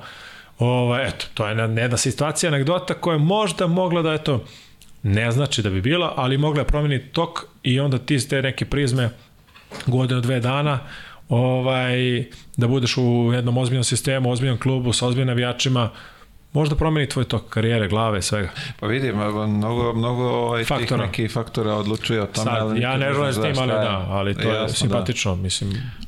Moglo je, moglo da se da. neko drugo. Ne znači da je Lovćan bio loš, Lovćan bio odličan za mene u tom trenutku. Kako a... izgledao to gore? Ajde ideš Lovćan kao Lovćan sredina, onako malo čvrsta, da kažem, najblaže rečeno, jaka. Ovaj, kako izgledalo sad to tvoje, ti beogradsko dete, ideš gore? Pa dobro, uh, ono što mogu kažem, uh, mene su stvarno prihvatili super. Ja sam bio klinac, generalno sad sa ovom glavom i posle toliko godina, verovatno iz nekog beogradskog, neću kažem, komfora, teško bi bilo da, da živim taj cetinski život. Ne cetinski kao cetinski, nego manji grad. Ali ti si tamo ispred očiju javnosti mnogo više nego u Beogradu. Ovaj, bio sam mlađi, znao sam svoj cilj, znao sam zašto sam došao tu, jako mi je bio šok, ali u tom nekom što smo pričali malo pre o nekom klinačkom neznanju, čovjek mnogo bolje bolje ovaj prolazi kroz neke stvari, nema neke percepcije i nema filmove šest meseci, strahova, da da. šest meseci napred godina dana i ostalo. Dobio sam tamo dobru šansu, pogotovo u prvom delu sezone, ovaj, znao sam zašto idem, najmlađi igrač Jadranske lige, pored Marka Tomasa koji je igrao te godine, on igra u Zadru, koji nisam maho peškuirom, nego smo stvarno, čak smo i Reflex tada, FNP, odnosno Reflex, pobedili na Cetinju, ako smo bili jedan od loših timova u ligi. Budžet nam je bio, ne, tipa Skuni Pen je bio skuplji nego cela naša ekipa, ali to je sigurno tako. I ovaj, Ko je bio saigrač to, molim te, u te godine? Pa ne znam koga, ti znaš tu... Pa vidim, bio... znam dvojicu sigurno, samo da, da vidim. A, Slobodan Tošić. Kako da Toške. Da, veliki Twitter mag. nisam, nisam ispratio njegove Twitter aktivnosti.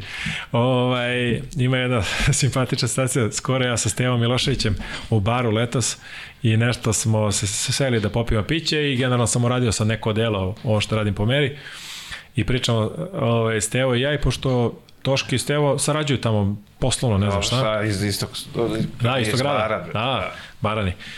I, ovaj, i Toške zove, kaže Steva, znaš s kim sam ođe? A kaže, sa Tomovića, kaže, kaže Toške, a pite ga je popravio šut. A ja rekao, ja rekao, ja rekao, Toške, ja da sam popravio šut, mi se ne bi znali. Ovaj, tako da smo se tu zezali malo, to je bilo Ranko Steović, trojka, da, da, zalizani, ovaj, ranja, popularni ranja i jedna super situacija sa Rankom, mislim generalno to mnogo dobrih ovaj, anegdota ima. Ja nešto vičem, on je stalno govorio, ono, za glavinja čeka bonus i juri igrača po terenu da, da iznudi faul da bi, da bi šutirao dva bacanja, znaš. I, ovaj, I onda ima nešto, drdiba, drdiba, i kao mala, i to je uvijek govorio mala i baca pas i to je, ili te pogađa najbolje moguće na svetu, pritom je to 300 na sat pas, jak je onako spreman, da, kršan, da, bio kao trojka stvarno bio zverina. I ova, ili te promaši 2 metra, da ne može ono Arpad Šterbik da je, da je pipne, ne da odbrani. I ovaj, rekao, Stevke, baci je sam sa, a on ne gleda, a ja ne naš, ne može da nasmiješ, ne može se naljutiš na njega. A kaže, mali, ja to da vidim, ja ne bi igrao lovće. tako, da, tako, da, tako da je bila ta simpatična Stevke. Bio je Marko Rakočević, stariji brat od uh, ovoga Rakočevića što je igrao u Partizanu. Da, da. Bio je Boris Ričević, centar, on je došao u toku sezone. Radovan Pešić, play, odličan play iz bara, nego on izlazi iz povrede prednjih ukrštenih, onako niži, ali jako nezgodan igrač. Uh, on, Pa znam celu ekipu. Vujočić, ovaj Nikšićani, ovaj Ćelavi uh, šuter, Vujočić, Vujočić dugo da on je došao, nije od početka bio, Ranko Čarapić bio tu. Ranko je došao samo za Superligu. Aha, aha, aha. Samo za Superligu i to je na neki način došao umesto svog kuma Radovana Pešića. I onda smo bili na playu Ranko, Radovan i ja. Samo što je Ranko duplo stariji od mene, otprilike u tom trenutku bio. Kojem mislim da imao 35-6 godina, a ja 18. Ovaj, Ranko je bio strašan igrač i jedno lepo iskustvo i voleo se s njim da se da se ovaj da Vidi, budem obojica su bili ozbiljni ozbiljno. Peša je bio Ja znam, ono, nažalost je- nismo, mo- to je tako bilo mučenje, ono, kad krene da, da, da se mrlja rastu- onaj da. pick and roll, pa tek, vrate. tek jedan, drugi, treći, pogotovo tebi kao centar koji. Tako je, i onda dole čovjek sam. Ranko, negde, da, unosio u centre sve, ono, zagradi levom rukom i unosi, boga mi, pola vilice je otvorio po Winston i od prilike, ali je strašan igrač i jedno dobro iskustvo, mislim, ja sam ga gledao kao klinac u radničkom je igrao, oni, ste, oni pišta, Aleksandar Naćvi, mi smo odrasli ono, kao klinci kad smo dolazili u Šumice, Ranko i on su bili tandem. I to stvarno Pišta i, i Ranko je to stvarno bilo poezija za gledanje. I onda smo se posle zakačili ti dva, tri meseca u Lovćenu. I Peša, Peša je odličan igrač, Radovan Pešić, samo što je on izašao iz povrede ligamenata i onda je sa dozom sta, straha igrao. I ovaj i onda uvek se malo plaše te neke završnice i tako dalje. Ali Ima bio- tu ih nekih anegdota da. humora, da. Ima čuvena. Voljan sam da čujem. Pa, ja mnogo volim Pešu, a znam da, pošto su ona cetinjani, imaju taj specifičan, onako blagot, nije crni humor, ali moraš da ga razumeš i da ga voliš da bi, da bi se nasmeo. Ali ima jedna scena da je, da je, da je kao, kao Peša, kao, ko, što? Kao, pa, pa Biedermajer. Pa rekao, što Biedermajer? Ove, pa kaže, pošto se zbog povrede kolena i niže je malo, plašio se da završava. I on kad god igra pik i probije, on je vraćao preko glave loptu nazad na šut, na tri poena, na izbacivo. I onda su ga zvali Biedermajer, mislim, tako, to je bilo la, raznih nekih, mislim, pa generalno to, mislim, on je normalan lik i zna da razume tek, i prvi je dobar za, za, ove, za šale i za neke, ovaj, ko je tu još bio, pa generalno, Pelkić, Pelkić, levoruki iz Trebinja, ovaj, dobar igrač, ono, potencijal, posle toga možda i nije napravio karijeru koju su očekivali, ali jedna zanimljiva ekipica, malo nismo imali sreće, izgledali samo peša s utakmice te godine po dva razlike, na primjer, bili smo, mislim, poslednji ili pretposlednji u ligi, nije se ispadalo, ali ali jedna onako lepo, le, lepo iskustvo. Bilo je to dobro izvezanja, mislim, kažete, zaboravio se sad sa Stevke, to je stalno bilo neki izvezanja i Nikola Vučurović, Nikšićanin, isto trojka, šuter. Da. Nikola Vučurović, ako impozantno izgledao sa 2-3, 2-4, 2-2, koliko već, lepa ruka. On je igrao na generaciji, mislim da on 80 sa Vujanićem, Radmanovićem i Tako tom ekipom. da, da, da, baš, baš, baš, baš dobra generacija. Bilo je to, Kako- bilo, mislim, On je posle beše u budućnosti bio, jel tako? Mislim da je bio nešto malo. Bez, u početku priprema bio Miloš Minić, Nikšićanin koji je igrao na Lovćenu, pa je posle s nama trenirao, pa je otišao u, u budućnost. Isto strašna fizika, 1-2 je igrao. Ovaj, tako, bilo je to. Zanimljivih igrača, mi se kažemo ovo se sad. Pa da, ali vidi, o, ozbiljno, onako sad kad si nabrojao, kad, se prisetim... Ja, dobre bilo je to. Sad ne znam igrače, koliko da, je to koliko to znači nekim ovaj, običnim gledalcima koji Pa nije, ovo je 20 neka godina. generacija, onako vraćamo ih u, u, u, Da, u, u u, u, orbit. tu, u tu mla, aj kažemo, u mladost njihovu i onda i oni se prisjećaju bar vamo Da, ba, ja, ja, dobro, dobro da se pišu, da. kol, koliko ne razmišljamo o košarci i o tim stvarima, dobro se dobro se dobro sam se i setio svega ovoga. Pa vidi, da, ali verovatno i neke te anegdotice su te Da, ovaj, ima tu vra- razne, vratili, razne, da, razne, to toške, smeha nekog sa toške tamo je toške isto uvek ima neki lep zanimljiv smisao za humor i generalno ja volim tu dozu ironije, Znaš ti sarkazma. to Toške je mag Twittera, ko njegovi postovi, to se, Da. To postaju Share, share, share. viralni, da, to Da. ide, to se šeruje, da. Skoro kao jao mile. Pa vidi sad, nećemo ovaj. Ja nisam toliko ovaj na, na Twitteru, ali on je, on je doktor tamo i lepo to, što kažeš, ima le, lep smisao za, za Dobro, humor. to mora, da- ironija i sarkazam čovjek mora da razume i da ima ozbiljno predznanje. To je bar moje viđenje stvari. Tako je. Ovaj, e, posle tog lovčana, kako ide dalje ta tvoja destinacija? Ti si negde malo... Pa tu sam se malo, da kažemo, zagubio. Bilo je neka priča oko nekog inostranstva, Lovćan sledeće godine igrao Jadransku ligu, ja nisam bio zainteresovan da ostanem tu, promenio se i trener i malo donekle uprava i neke stvari. Ovaj, više se ne sjećam tu detalja, u dogovoru s menadžerom kao trebalo da idem.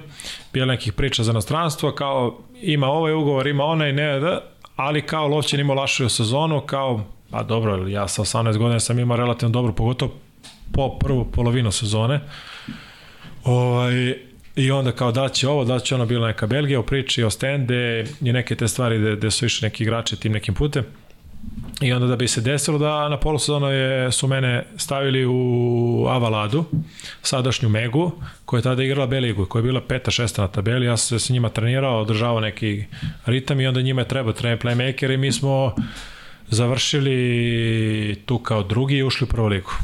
Koga zatičeš ti tamo od, od, od igrača? Od neki koji bi vama bili, ono, ljudima bili malo poznatiji, Nikola Dragović, uh, Kešelj, uh, ko je još tu bio, mislim bilo to još neki igrača, sad ne znam koliko ko kome, ovaj, Božović, ovaj četvorka što igra posle u, u, u Hemofarmu, Bata Božović.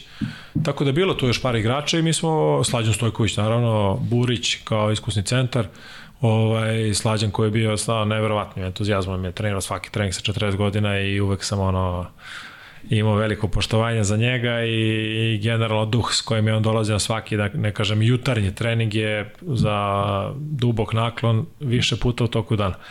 Ovaj, to i završili smo tada i onda posle malo se nešto promenila ekipa i malo dodali su još neki igrači koji dolaze tu da se kao i sad za Megu da se razvijaju i da traže neki svoj put do, do ozbiljnijih klubova, da ne kažemo NBA i tako dalje, mada to nije toliko bilo zastupljeno tada. I onda se to prešlo u Megu, Mega je bio sponsor, sponsor ekipe i ostalo je to Mega i dan danas. Prvo je bila Mega iskrena, tu sam bio, to je bila jedna malo turbulentna sezona, čudna, ali dobro. A, je se tati susrećeš, uh, zapravo kad, kad se ti susrećeš sa, sa Burazerom da igraš protiv njega? Gde? A, u Lovćenu. U Lovćenu. U Lovćenu. On je nešto bio u borcu iz Banja Luke, pa su kao zbog nekih njihovih turbulencija kao uručili njemu još jednom igraču otkaz, pa su ga vratili posle dve nedelje. Mislim, neka totalno šaljiva ovaj situacija. I onda je on tu igrao uh, u Bosni i u borcu iz Banja Luke i mi smo, borac te godine igrao Jadransku ligu. I onda je, seća se jedna situacije, na Lovćenu igramo i I neverovatno, on je počeo petorko, izašao, ja sam ušao kasnije i čuvali smo se. To je, ne znam, ne znam kako bi to ne može niko razume ko nije igrao pred svog brata. To nije sad igram čak i tenis, pa nekako nemaš fizički kontakt, nego, ali ovo, on igra playmaker, ja igram playmaker. Mislim, on me čuva, on igra dobro, dobro, ja igram dobro, dobro. Mislim, znaš, ti sad kao i profesionalaci, treba da uđeš u, u nekom, što bi narodski trenerski se reklo, u džigericu, a brat je rođeni sad, ne, ne, ne znam, nemoj, ja, teško, je, teško je to objasniti. Sećam se jedna situacija, on, on na terenu i odigrao odlično tu utakmicu, nije dao mnogo pojena, ima puno asistencija i generalno je takav tip playmakera da su svi igrali dobro i držao je nekako ekipu, bio je vođa, a da nije bio glavni košgeter. I ovaj, i neka situacija on da jednu, dve asistencije neke, stvarno genijalne, I ja na klupi kao aplaudiram ono što bi aplaudirao kada sam na... I onda u nastavku kao, dobro, dobro igre, kao, kao, kao dobro, kao i podržavam ovaj našu odbrani, kao igre, kao nema veze, kao igre. Ne? A onda je bila sledeća situacija kada sam mi isto nešto čuvamo, neka, neka polu kontra 2 na 1 i ja pritrčam kao drugi odbrambeni i onda završi, pošto većinom sa leve strane uvijek završavao desnom rukom i onda a ja nisam skočio na bananu, nego sam više skočio nekako da, eto, skočim, skočio, da, da, trener vidi da, da izgleda, da, da, da me kao baš zanima da ga zalepim. I on, i on promaši cicer i pada on dole, padam ja dole i on kao, sad da ne kažem šta, malu, Ovaj pa t t t t t t t malu šta skačeš kao vidio sam promašio znači ja trčimo nazad tako da je to bila simpatična i nikoga nisam pobedio. U kad smo igrali protiv drugog, igrao sam posle za Tuzlu Slobodu iz Tuzle. On igra u Bosni Sarajeva da je uzeo tri titule i nikad, igrali smo tri utakmice te sezone, dve u play-offu, jednu u prvenstvu i nikad ga nisam pobedio. Zvanično nikad? Nikad, nikad. A kući na, A kući, na, na basketu? Kući, ovaj, e, kao mlađi nije bilo realno, kasnije nisam smeo da ga pobedim, jer bi bila to ljutnja ozbiljna. Ali ima anegdote za, za vreme, za vreme ovaj, lockdowna bilo nešto povezano za, za uskrs. Tri dana se nije izlazio kuće. Hvala Bogu mi imamo dvorište, taj teren koji je još uvijek živ ispred kuće, gde se deca sad igraju i, i mi krenemo on ja u patikama, bukvalno za šetnju, ono, lockdown od petka veče do tipa utorka ujutru. Nama, kuće, dvorište, lepo vreme, milina. I mi to nešto šutiramo, zezamo se kao igramo jedan, kao, ajde krenemo. I dešava se situacija, ja sam znajući njega, a i sebe koji ne volim da bilo koga puštam bilo čemu, a on znam da ne voli da izgubi. I, ovaj, i ja kažem, ne brojimo. On kažu, dobro. I krenemo ono, ono nekim patikama, isto kažem ti za šetnju, ja isto šetnju nešto treba, i ja nešto isfintiram ga, šutnem, dam neku čopavicu, ubacim, ne znam ni sam kako sam bacio, bacio neko ono skok šut, ono ne, ne, nesklad, to totalni onaj... Van balans. Da, ma de, ali ušlo je, nema veze, broj se. Ne broji se, pošto smo se dogovorili. I sledeći napad, no nešto dalje, sad nešto za detalje, dao on koš, bilo tipa 1-1, i ne znam šta je bilo, da sam ja poved 2-1 i nešto ga fintiram i sad je ono igrao stvarno dobro odbrano, onako je, ima ga malo više od mene, malo šira ramena i duže ruke i generalno je važno za dobrog odbrana igrača. I ja ga nešto isfintiram i on ispadne, ja s prvog koraka položem i ja mu uruč, uručavam loptu ili on meni, zavisno ne znam da smo menjali posle, ne mogu setim i on kaže ovako, šta si rekao, ne broji se, a? Ja rekao, ne broji se, samo da te ne sekirao.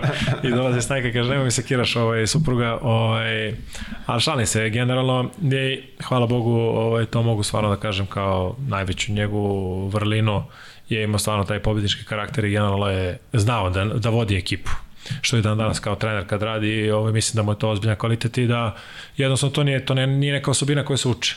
To je jednostavno imaš poverenje ljudi ili to možda izneseš ili ne možeš. Ne možeš ti sad kao knjiški da naučiš kako da budeš predvodnik. Mislim da to može donekle da se, da se nauči veštine neke tehnike, ali kao i za druge stvari u biznisu mislim da to je do karaktera. Ja beše njemu sad prva godina ovde ili... Bio on u Megi nešto, talu, Megi ili OKK, šta je bio pomoćeno baš pre 8-9 godina. Kad ne, ne, sad, sad, pre, po povratku iz Kine. Po povratku, da, sad mu prvo, da, sad je u Megi pomoćni. Okay, okay. Ovo je vratio se ovaj, izbog porodice svega, predugo je tamo, ovo je pogotovo sad nema putovanja zbog korone i ti karantini čudo su stvarno rigorozni i nema, nema opcije, ti si po tri nedelje u karantinu. Kad odeš tamo? Dve nedelje u gradu da sletiš, pa još nedelju dana u svojoj provinciji, pa još nekih 3-4-5 dana imaš nekog lufta dok, dok, ne, dok ne dođeš do, do ekipe, pa mislim to i onda si stalno nekim bablovima i to je teško bilo za porodicu deca, već sad su ono četvrti, šesti razred i onda oni ne mogu da putuju kao kad su bili vrtići, da, u vrtiću, da, da, tako da tako da je sad je ovde, pa vidjet ćemo, mislim tu je sad, tako je bila njegova odluka, pa za dalje ćemo vidjeti. Uh, tvoj odlazak na Kipar? Moj odlazak za, na Kipar je bio posle nekih nakon zanimljivih, da, čudnih stvari u Megi koje su mi se desile te godine. Generalno sam imao jednu sezonu koja nije trebala da izgleda tako. Iz raznih neke stvari, nešto sam na kraju bio i suspendovan, zato što sam šutnuo neku bočicu kad sam izašao iz igre u Kraljevu, onda su izgubili posljednje dve utakmice, onda je posle... Suspendovao si od lige ili ne, si ne, ne, ne, ne, ne, čak ni u Kraljevu, znaš kakva je uzavrala atmosfera, nisu ni oni nešto reagovali, nego od od uh, trenera. Aha, Vlado Đurović tad bio. Iako je on bio divan, pre mene stvarno ne sad da pričam da bi pričao, ali imao je stvarno pozitivne reči kad god smo pričali, generalno kad je došao, on kako je teo sad da pumpa ego svima nama i onda je sad došao do mene kao ti sad ovde šta vi gubite kao mega ti ja kad sam igrao menjao Bokija Popovića Zorovskog na Cetinju vi nas dobili su najgore dobili su dao neke 4 pojena u posljednjih 2-3 minuta i ovaj i sad je on imao znaš kakav je on ovaj zna da, da tako podigne, podigne moral ekipi, igraču i tako dalje, ima specifičan način ovaj, i priče i svega ostalog. I tad sam izašao iz igra, to je bila baš turbulentna ta cela sezona, tri trenera smo promenili i ja sam nešto iznervirao, šutno flašicu na kraju klupe i generalno ni Hala nije reagovao, nije bilo, znaš kako je Kraljevo onako uzavrao dosta I onda je on to vidio, to je bilo 2-3 minuta do kraja, ne pa. I mi smo izgubili tu utakmicu i on me suspendovao, posle dve utakmice nisam igrao. I bila je varijanta, ne može treniraš sa ekipom, uprava kaže može, ne možeš, zato što je trener tako kaže, trener kaže za sto uprava, mi se nekad priča, nije ni da, bitno. Da, da, ja, se, ti, ja se time nisam ni bavio i on je stvarno kao, ti ovde imaš stvarno, i ja došao da se izvinim, onako ljudski sam došao da, da, da kažem da nije to bilo primjereno što sam uradio, ne utičeći na, ne želeći da menjam nečiju odluku, nego samo da kažem ljudski, stvarno bio pre mene izvreto korektan i dao mi šansu mimo onoga što se očekivalo. I, ovaj, i posle toga su izgubili poslednje dve utakmice i generalno Mega bi tada ispala iz lige da nije bilo odcepljivanje Crne Gore od od aha, aha, aha. i onda je Vlado Đurović tada na nekim sastancima, to znam, to su mi saigrači prenosili, ovo je kao po 10 minuta pričao da je bio Tomke tu, ne bi oni mogli ovo, ono, Sad, to su sad malo možda nekad i bajke priče za malo decu, kako god. Uh, bile su neke lepe reči, sad da li neko veruje, to ne veruje, nije ni bitno. I posle toga to je bilo malo, imao sam čak te godine i pozivi zdravlje iz Leskovca koje, protiv kojih sam dobro igrao, pa me nisu pustili, a zdravlje posle igrao Superligu, a Mega nije igrala Superligu. Znači, tu sam mogao da igram Superligu i za neke i bolji ugovor i, i veća šansa protiv uh, abaligaških ekipa i možda neka prilika da se nekome pokažem, dokažem da, i da... da, da. Tako da, sve raznih to stvari, kažem, ja ne, ne osuđam nikoga, niti bilo je tu i povreda i neke stvari koje sam ja mogao da utičem, neke koje nisam mogao, neke koje, sam, koje su do mene, neke koje nisu. I onda sam otišao na Kipar, imao sam tu neku ponudu, Nije, nije loše bilo, ali bilo kratko, ja sam posle, ne znam, nepunih dva meseca i dva kola odigrano polomio levu šaku. I sad do kraja prvenstva to, to ostalo tipa kraće tamo liga, znaš sam kako funkcioniše, ostalo tipa četiri meseca, meni je oporavak preloma šake da mogu da uđem, da igram, je tipa dva i po meseca, sigurno, tako nešto. Nosio sam longeto mesec dana, pa radio vežbe za, za ruke i tako dalje. I onda sam se vratio, bila neka priča i za Nemačku umeđu vremenu, igrao sam neku letnju Euroligu za Lotomatiku, tu se nešto šuškalo, na kraju da skratim priču, te neke stvari bilo je za vizuru, pa sam otišao u Sloboda Ditu iz Tuzle, tamo je Slađan Stojković bio sportski direktor, on me zvao, ali sam na drugom treningu tu imao povredu skočnog zloba za kojeg sam morao da ide na operaciju. Oh my Generalno skočni zlob se kad operiše. I onda sam se vratio, tu sam malo izgubio kontinuitet, možda neko samopoznanje, više to nije bilo to na taj način. Neke stvari koje su trebali da se desile se nisu desile. Kažem, igrao stao mesec dana, pa pokidao ligamente na skočnom zlobu druge noge, pa sam još mesec dana bio van stroja. I onda završava ta sezona, ali ja sam vidio da više to nije onaj pravac koji treba da bude, ne, ne pričajući više ni o ugovoru, količini novca, svem ostalom, nego o mom nekom osjećaju i zadovoljstvu. Bila je onda ugovor na stolu od Vizure, koja se posle fuzionisala u jednom momentu sa Megom. O, ja sam načalno rekao kao da, da, hoću. I sutradan sam javio kao ne, ne, neću to biti neki januar neću više se bavim, više mi ovo ne predstavlja užitak i generalno tada u tom trenutku nisam znao čemu ću se baviti. Tek tako si donao odluku da Nije to tako, tako, to je trajalo dve, tri godine, trajalo te neke razne i stramputice i povrede i plus minus faze i neke stvari koje su išle u nekom pravcu, ne, nije to tek tako, to je tinjalo da, da, da. dugo, nije, nije i mislim jedna zanimljiva anegdota je bila da sam tipa par meseci posle donošenja odluke sreo Teja, Teodosića i ovaj, mi smo se kao generacija pratila pripremno stalno, kao 84. i 87.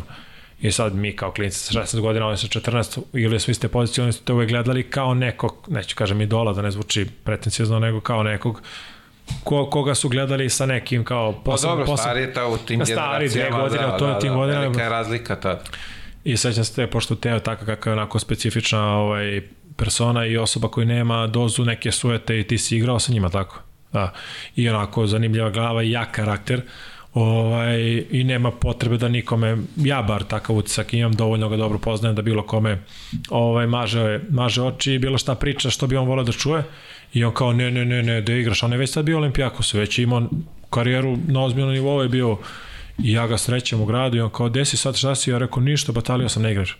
I on me gleda začuđeno i onda je shvatio da ipak te neke stvari koje si igrao pre toga, ipak su ostavili neki trag na neke ljude koji su dalje u, na ozbiljnom nivou tu. I to, onako ja kažem, nevidljiva satisfakcija kao jedna od stvari koje ja generalno u životu volim, ne ono što je opipljivo prstima, ne ono što, što može svako da vidi, nego ono što možeš ti da osjetiš. Jasno. Uh, koliko je bilo teško doneti tu odluku?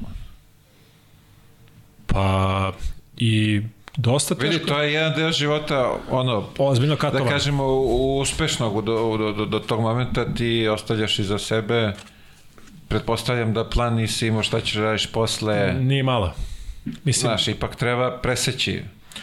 Pa bilo je, uh, mogu kažem, i teško i lako. Ja svakako sam imao dozu neke emocije i nečega što samo moji najbliži znaju.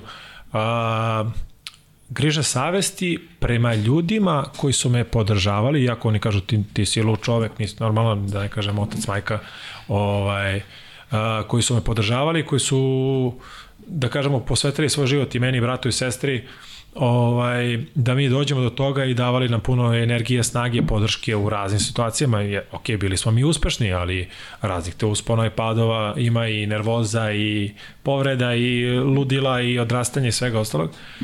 I onda sam bio, bio fazono kao, ok, to što sam ja donao odluku da, da prekinem korak karijeru, nego što sam na neki način kao razočarao svoju porodicu, ja sam imao taj teret na sebi, koji sam sam sebi, naravno niko ne može više da stavi teret na sebi, na svoju glavu nego čovjek sam. I ovaj, s te strane sam imao ta, to opterećenje, koje mi niko nije doneo i stavio, nego sam ja sam sebi. S druge strane sam lako doneo jer sam video da, da me to mnogo više muči, da nije, ne ide u pracu koja me žela. Znaš, kad, kad si u nečemu najbolji ili među najboljima i kad radiš na tome i kad daš sebe 300% i neke stvari se ne iz ovih i onih razloga pod mojom, da kažemo, zbog moje greške, tuđe greške, ne, ne, ne stavljam prsta ni u koga, ne upirem. I ovaj, kad ne odu u pracu kom si želeo i koliko si sebe dao, jednostavno ne možeš sebe da vidiš na trećem stepeniku ako si sebe radio, gradio i stvarao da bude stoti. Bez da bilo koga vređam.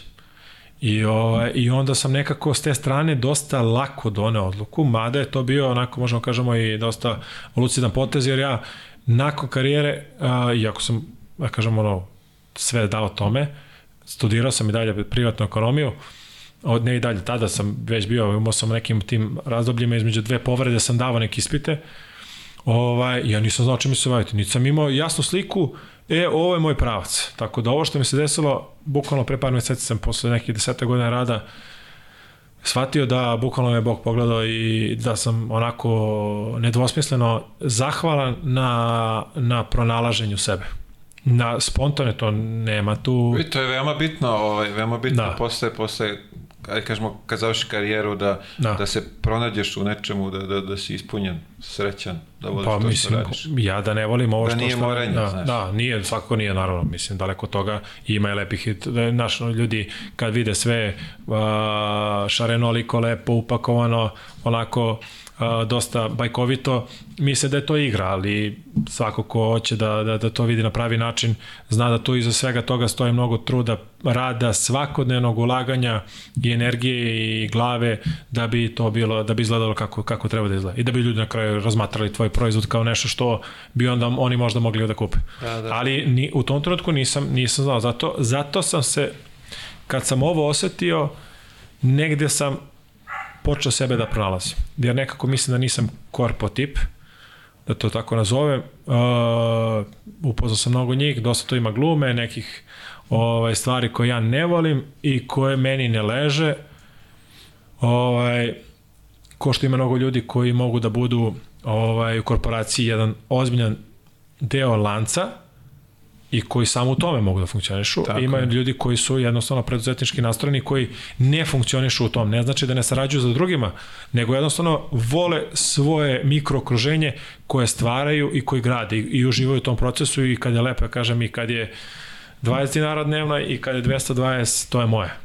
Jasno. Znaš, jasno. i, i sad... I Slaži, sve... Ja sam više za ovu tvoju varijantu, preduzetničku. Dižemo, dižemo ovaj, Tu, evo sad gradimo. I, i ovo je neki ovaj, preduzetnički pa ovaj, posao što ja radim, tako da mi je mnogo Jeste. ovaj, draže i nekako i, ispunjen sam. A, reci mi, jesi razmišljao da ostaneš u, u, u košarci, da ostaneš kao trener, kao nešto da budeš u uz košarku posle završetka karijere. Je li ti padalo na pamet da bi mogao nešto tako da radiš? Pa u tom trenutku kad sam završio nisam razmišljao o tome, zato što jednostavno to me previše optrećivalo i nekako nisam sebe video u tome. A, dan danas zbog nekih svojih komentara i utakmica i situacija i predviđenja stvari koje se desi na terenu, mislim da bi imao svašta nešto da, da kažem bez neke skromnosti ovaj, i igračima u nekom individualnom nivou i na nekom taktičkom. Mislim da je sad neka situacija u Final Fouru, gledali smo brat Boki Popović i tvoj saigrač i ja smo gledali Final Four u Beogradu i ne znam, neka situacija je bila da sam dva, tri puta za redom u tri, sek tri sekunde pre nego što se desilo sam pogodio i rekao sam sad će Lakin da primi, napravit će kroz noge, jedan dribling u levo i otići u levo do kraja. I on 3 sekunde kasnije uradi to, uradi kroz noge, jedan dribling u levo i ode do kraja. Evo istina. E, istina. I, i, ovaj, I ne znam, posle toga ne znam šta se desilo, na kraju su promašili trojku neku, gde sam isto rekao da sad će primiti trojku. Nebitno, sad to je samo jedna anegdotica. Ovaj, da jednostavno volim i kaže Boki, bratu Tomi, kaže, što ga nangažaš kad će ovaj da kada da radi. Kaže sad, kada si pogodio ovo, izašao bi iz hale. Generalno kažem ti, ovaj, to mi brat kaže kao često, kao šta ti se vidiš, ti nisi normalan. Znaš, ono, mislim, generalno sam detaljista, kao što sam rekao na početku priče, da koliko je dobro što si detaljista i perfekcionista, to je dobro, ali je trećeće i za ljude u okruženju, jer ja znam koliko sam napora i koliko saradnike neke ovaj, sam dosadan za neke stvari, ali na kraju dana ja odgovaram sve tog proizvoda i da, onda da, znam zašto da, sam da. dosadan, a s druge strane kažem ti to ume da optereće i, i, me, i mene samo. samo ovaj, tako da što se tiče košarke mislim da bi mogao da, ali sad trenutno sam glavom na drugoj strani i uh, jednostavno mislim da to nije posao da se uh, baviš uh, onako sporadično. Ne, to mora da si, u, si u tome, tome glavom 24 i sata. 24 da, sata i da, da si da kaj, radit ću malo ovo, radit ću malo ono. Generalno sam uvotio sebe par puta da nekad kad radim sedam stvari u isto vreme, da ne uradiš na kraju nijedno. Yes, I mislim da, da, da to da. nije dobro. Ali da bi imao šta da kažem i da, i da nekog naučim, pogotovo individualne neke situacije, osjećam terenu postavka, odbrana, napad, tehnika, Toma se se često zvezda, kaže ja, ja da sam to znao, ja nešto driblam, ne znam, u dvorištu zvezdam se, generalno ostala mi je tehnika, na danas kao da nisam ni prestao, šut, šuta nikad nije nešto puno bilo, ali ajde, ne može sve Bog da ti da, ovaj, Kaže, ja da sam to znao, ja bi igrao NBA, znaš. Kaže, ja za pet godina u Kini ovo nisam, ovo nisam video, ali to je nešto što je jednostavno prirodan ja, talent, kao što, da. ne znam, Staja ima dobru ruku, neko ima tehniku, neko ima ovo, neko ono. Sad na drugim stvarima trebaš ili da radiš ili da... Tako je, tako Ne može tako. sve, ali to je bilo da. simpatično, tako da... Tako da, kažem ti, s toga tiče, glavi sam ja donekle kad treba uključim se u košarku, analiziram i sa Tomom utakmice i ovako i sa nekim drugarima koji su igrali i nekima koji su, koji su jednostavno zaljubljenici u košarku i mislim da da ovaj uvek imamo tu neke zanimljivih zapažanja i volim da pričam o tome. I tako, možda sam nekad malo ovaj surovi, generalno teško mi je da gledam a, današnje neke igrače kad ne znaju neke osnovne stvari, principe, da li naši strani, šta god jednostavno mislim da, da na tom nivou da, da neke stvari moraju da budu mnogo ozbiljnije. Ti si igrao na još većem nivou i znaš o čemu pričam, tako da... Ko je, ko je to beše bio ovde? Novica. Kad je, kad je bio u, u Partizanu pa su došli ti naš novi klinci. Kaže, bre, ono, gledaš, ne znam, i osnovne neke stvari koje, A. koje ono u naše vreme, u naše vreme, A, ovaj, bez toga, nisi, da, bez vreme. toga nisi mogu ono, da, da, da prođeš nigde. Da, sad, pa. ono, kao, znaš, preskače se, verovatno, to je ono, daj što pre da ga napravimo, da je dobar i ajde dalje. Tako pa ima, da, ima toga, negde, to što ti greši greši da, se u startu. Da, što se pres, preskače, a generalno i ljudi mislim da da negde se izgube u tome da de očekuju nešto da neko može da zna, jer, jer je možda manjak nekih talenta u toj generaciji i ti misliš da se nešto podrazumeva.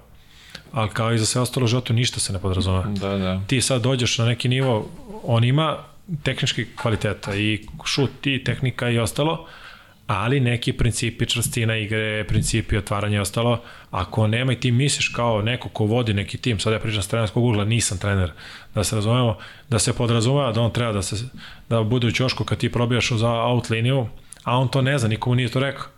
Znaš, nažalost, danas kad tako vodiš neke ekipe, znam, komentare nekih trenera, kaže ništa se ne podrazumeva sa njima moraš sa njima moraš dok ne vidi ne, nisi 300% siguran da bukvalno ideš od korice do korice da se da pričaš kao da su pioniri kadeti. Da, da. I ako vidiš da znaju, nastavljaš dalje.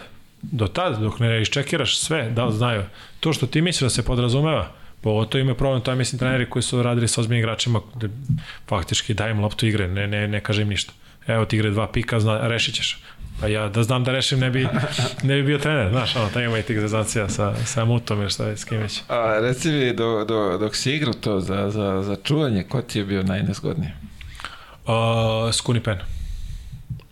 Skuni Pen, seća se utakmice u, u, u Zagrebu, ulazim ja igru sad lovci, kažete bi ja, ono, ozbiljna ekipa Sibona, to brutalni igrači na evroligaškom nivou i ulazim ja igru neki 6, 7, 8 minuta i kao, pošto sam igrao dobru odbranu, na meni trener kao priđem u presing.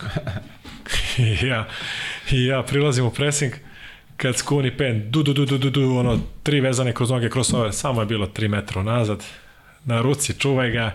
Jedno, nisam ga toliko loše čuvao, ali je nezgodno za pressing i te stvari nikako. I Rakočević. Igor, mislim, dobro, to i govori njegove titule kao najbolji ono, strelac Euroligije 4-5 puta koliko već, ne znam i sam. Ove, on nekako uvek bio na prstima i uvek je imao o, kako primi, uvek je bio u, u nekom polu njihanju levo-desno. I nije imao, ti kao sad kao odbrben igrač koji razmišlja o tome ko šta bolje radi, on je uvek imao nekako varijantu da drži loptu po sredini i da nije imao klasičan direktan polazak u dribling i klasičan ukršteni. Nego je on bacao loptu i onda trčao za njom. Tako je. Znaš da, ba, Da, i da, baci. da, da. I on klasičan direktni nije pravio korake zato što on prvo baci pa krene. I onda su mu ne stvirali korake. Ali imam neki snimak sa neke utakmice u, na Cetinju gde smo posle gledali kao ono analizu utakmice da sam bio ono fazono kako sam ja njega sačuvao dve, tri akcije, da je on krenuo, da sam ga čuvao, da je jedna kroz noge, on ono kad krene, ba, ba, ba, ba, ba, ne možeš da ga uvatiš lasom. Ovaj, gde sam bio fazonu ne znam kako, ali bravo, bravo za mene. Ovaj, tako da Rak, Rakočević je bio, Rakac je bio stvarno ono, Dobro, dinamit. je ubica, da. I u to vreme u Zvezdi, na primjer, je bio uh, Goran Jeratin je, na primjer, meni bio jako pametan, inteligentan play i jako je nezgodno bilo protiv njega. Pametna igra, znao pick roll da navuče, da odigra šut sa pola distance, šut sa 7-8 metara. Ali više sa 7. Ja više pamtimo to sa 7-8 njegove Da. šuteve. Da, da, dobro, znao je da navuče, da, ali je dobar, dobar je, Jera bio odličan igrač. Mislim, ja ga mnogo volim i pre svega ga mnogo pošto skoro sam ga sreo. Pričao sam mu jednu anegdotu koju on onako znao je, podsjetio se, ovaj, sećam se moje utakmice, tad 18 godina, igram za Lovćin protiv, protiv Zvezde, u Pioniru, to mi je jedna od boljih utakmica te sezone bila, i ulazimo u igru i sad nek je Zmaga onako turirao da igraju stalno pressing, da kidaju njega, Vuka, sve koji su tu igrali. I ja ulazim ono 12. minuta igru, no, kao što ja kažem, ko za sa tribine da te neko uvuko, ti si ubacio teren, ti si se oladio 12 puta do tad. I, ovaj, I oni šutiraju bacanje i sad odma oni u pressing, ja treba prevedem loptu, znaš, ladan, ono, pun pionir, znaš, nije, nisi baš opušten. I on kaže, prelaze, ali, a znali smo svako, igrali smo par puta, o, pritom je on igrao lanije u Lovćanu. Kaže, mali, opusti se, kaže, malo ću foleram odbranu dok se ne zagreš, pa ćemo da igramo normalno. Kao, samo da, ne, da me ne smera zmaga, otprilike. I ja sećam, rekao, veliki respekt, jer generalno stari igrači kad vide male i mla, ne male, nego mlađe, koji na neki način tu nadolaze i koji možda kroz koju godinu postane neka konkurencija u nekom smislu, ovo je obično da, ljudski da, da, hoćeš da ga pojedeš na terenu, da mu ono, uzmeš dušu. Odmah da zna kojeg Da, e, ovaj, tako da sećam se te situacije, to nikad neću zaboraviti, ono što kaže ni to ni ja ne živimo od toga, ali, ali je to varijanta gde je stvarno pokazao, pokazao svoju ljudsku veličinu, jer on mene kao klinca što bi morao to da uradi. Ne, nikoga nije ni tero, ni mi, samo ja, drug, brat, kum, bilo ko, I on kaže, samo ću malo sfoliram odbrom. Mislim, nije on mene puštao, samo me nije pritiskao dok se ja zagrajem malo s loptom da, da, da, da, da. Tako da je bilo, ali Rakac i Iskuni Pen su onako od tih nekih igrača bili jako nezgodni. Protiv, protiv Boki Popović je bilo, na primjer, nezgodno da se igra. Igrao je čvrsto odbro, nekako uvek imao tu čvrstinu kad kreneš, pošto ima dobru tehniku i kod njega uvek onako ti krene jake noge rukama i ostalo nekako uvek je imao tu čvrstinu da mi nije bilo lako da igram s njega ošte. Nisam previše puta igrao, ali to što sam igrao znam da, sam, da mi je to ostalo u sećanju. Jasno. Uh, ovo me zanima, pogledaš sad malo vratiš tu sliku na karijeru, koji su ti najteži momenti, ajde, sem te odluke da prestaneš da igraš, da se baviš košarkom? Pa možda su negde izokola bili teški ti momenti kad, kad sam ovaj, donekle vezao nekih par povreda i kad sam negde sa sobom shvatio da sam malo izašao iz tog fokusa i nekog praca koji sam želao da idem. Jer tu je bio pomenjan neki NBA draft, ne znam, te neke stvari kao klinci, to su sve, oni sve pratili, znaš, i sam, i dan danas to se radi još na višem nivou, većem nivou. Ovaj, Tako da ne mogu sad da izvojim neke situacije sada je teško. Povreda svaka odvajanja od nekog puta je uvek nezgodno za bilo kog čoveka u bilo kom putu, pogotovo u sportu kad se ti to daš od rane mladosti, znači ti mnogo ranije sazreš nego što sazre tvoje vršnjarci. To nije floskula, to nije fraza neka, nego to je činjenica. Imaš igrača koji su kasnije sazreli i kasnije došli na neku scenu kao Bijelica, na primjer, koji u nekim kadijskim universitetskim danima nije bio u fokusu ni jedne reprezentacije ali kasnije, ali to sad je neka druga tema. Ovaj, ali kažem ti, meni, meni, se, meni je konkretno taj neki osjećaj gde gubiš neku kontinuitet igara i igranje, neki put, pravac i nešto što mislim da posle tog lovćena ili pre tog lovćena, to što je, sam pričao malo za ove neke naše najveće timove, ovaj, možda je tu moglo da ode u nekom pravcu. Nema tu žal niti sad kao težina, ali kad negde razmišljaš, bez nekog da. fantaziranja, ali generalno je moglo da, da odete. Ali odluka je bila relativno lagana, možda malo luda, ali lagana. Uh, ajde ovako sad, bio si MVP tog prvenstva u svim tim imenima, karijera je trebala da bude wow, nije se desila, desilo se to što se desilo. Uh, sad kad bi trebao daš savet za neke mlađe generacije koje, što da kažem, tu su da naprave neku karijeru iz tvog ugla, šta bi im savjetao? Pa da ne bude fraza, mislim da je stvarno ono čvrsta glava na zemlji, mnogo rada, mnogo to je teško proceniti, mnogo dobronamernih ljudi oko, te, oko tebe, to ima raznih struja koji su uvek negde upliću, uh, i strajnost da ostanu ono što je njihov najveći kvalitet, Mislim da je to Bogom dano i da to čovek ne treba da uzima zdravo za gotovo niti neko da ni podaštava. Mislim da u nekom trutku karijere moj najveći kvalitet su neki treneri ovaj, da nekako ugnjetavali. Da ne kažem ubijali, ali ugnjetavali. I tražili su od mene da budem nešto što nije moj najveći kvalitet. Onda uzmi nekog drugog, onda ja nisam za tebe. I mislim da, da je to najveći savjet. Naravno, pored ozbiljnog rada, ozbiljne glave, pripreme i, i, i, i karaktera koji treba bude na visokom nivou za, za današnji surovi sport, mislim da treba da, da, da ostaneš dosledan sebi. Ne možeš igrač koji je šuter da tražiš da igra najbolji odbranu na svetu ako mu to nije u prirodi ili da, da kreira situacije za druge i da igra pick and roll 200 puta i da samo razigrava nije, nije u njegovoj prirodi to. On može to da vežba, da ima situacije na terenu kad će to da radi i da ima određeni kvalitet, a, a ne na uštrb njegovog najvećeg kvaliteta, šta god to bi ovo slučaju. Dobro, to je onda već do trenera, oni treba da, ti koji su, treba da, da procene, da, da znaju e, sad, kako da iskoriste sad, taj njegov ja talent. Ja se sećam jedne situacije, trenirao sam sa jednim klubom, nešto iz Radničkog treba da idem, ne idem, idem i nažalost pokojni Šara, trener, ovaj bio pomoćni u Atlasu, I sad da ne pričam ko je prvi trener, nije bitno, mislim da je čovjek tu na sceni. I igrao neku vežbu 3 na 2 plus 1 ili 4 na 3 plus 1, ono kad pređeš centar, uključuje se da, ovaj da, i da, realno da. moraš brzo da reaguješ na situaciju. Ja pas na stranu, on mi vraća ja jedan dribling i dva dana pod za redom ja bacim pas iza leđa i mi damo koš. A ja klinac tu 17 godina, ne znam da sam imao 17. S njima sam trenirao na dva meseca. Mislim, meni je to bilo normalno, nisam ja izigravao nekog tu kao mangupa ili bilo šta. I bila je varijanta, prilazi meni šara kao mali, dobro je to kao, ali nemoj to kao iza leđa, kao ne voli to trener. E sad, zašto to govorim? Zato što mislim da to nije, nije dobro.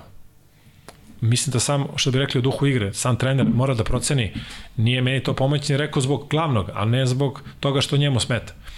Mislim da mora proceniš ko je lepršav na uštrb tima, ko to stvarno donosi na neki prirodan način i ko ne, da ona nema nikakvih posledica posle toga. I mislim da zbog toga, a, na primjer, ti u nekom igraču ubiješ tu neku kreativnost. A možda je njemu to najveći kvalitet. I onda ga malo blago usmeravaš, ne da ga puštaš da pravi gluposti. A donekle je treba u nekoj razvojnoj fazi da mu dozvoliš, ne kažem sad za sebe, kao moj neki primer, mali primer glupost, ali mi za takve situacije ima puno. Znaš, ne možeš ti šuteru koji iskrive ruku Peđi Stojaković da menja šut zato što krivo izbacuje. Znaš, mislim sad idemo u ekstremni primjer.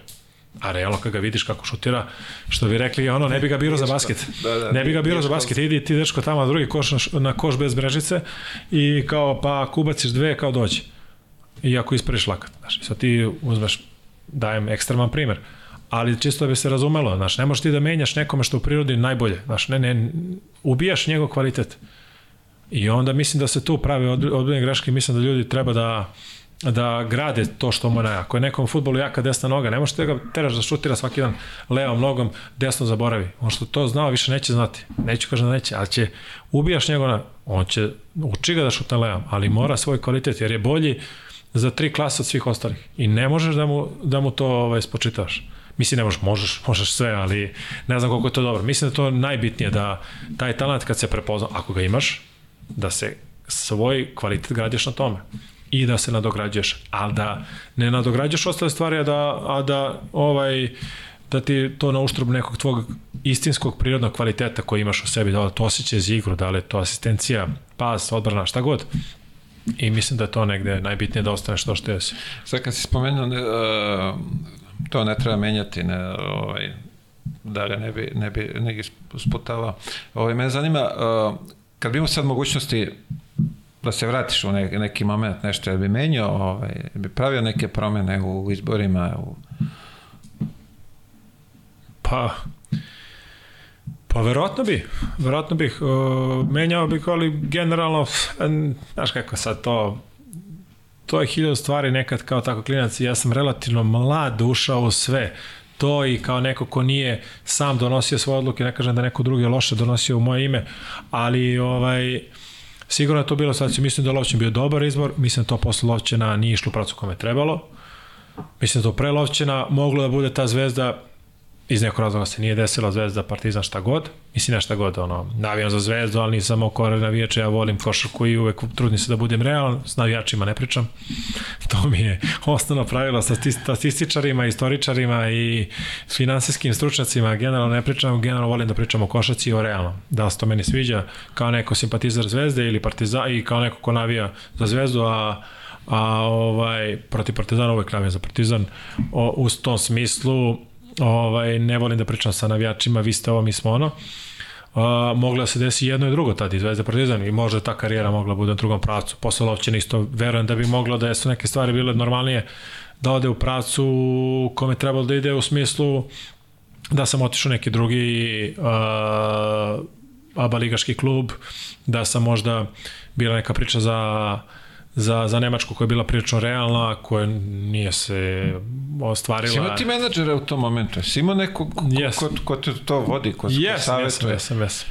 Ja sam bila tu raznih nekih ono, ljudi koji su nešto umešali i posle sam, ovaj, naravno svi koji su bili u Megi su bili kod, kod Miška.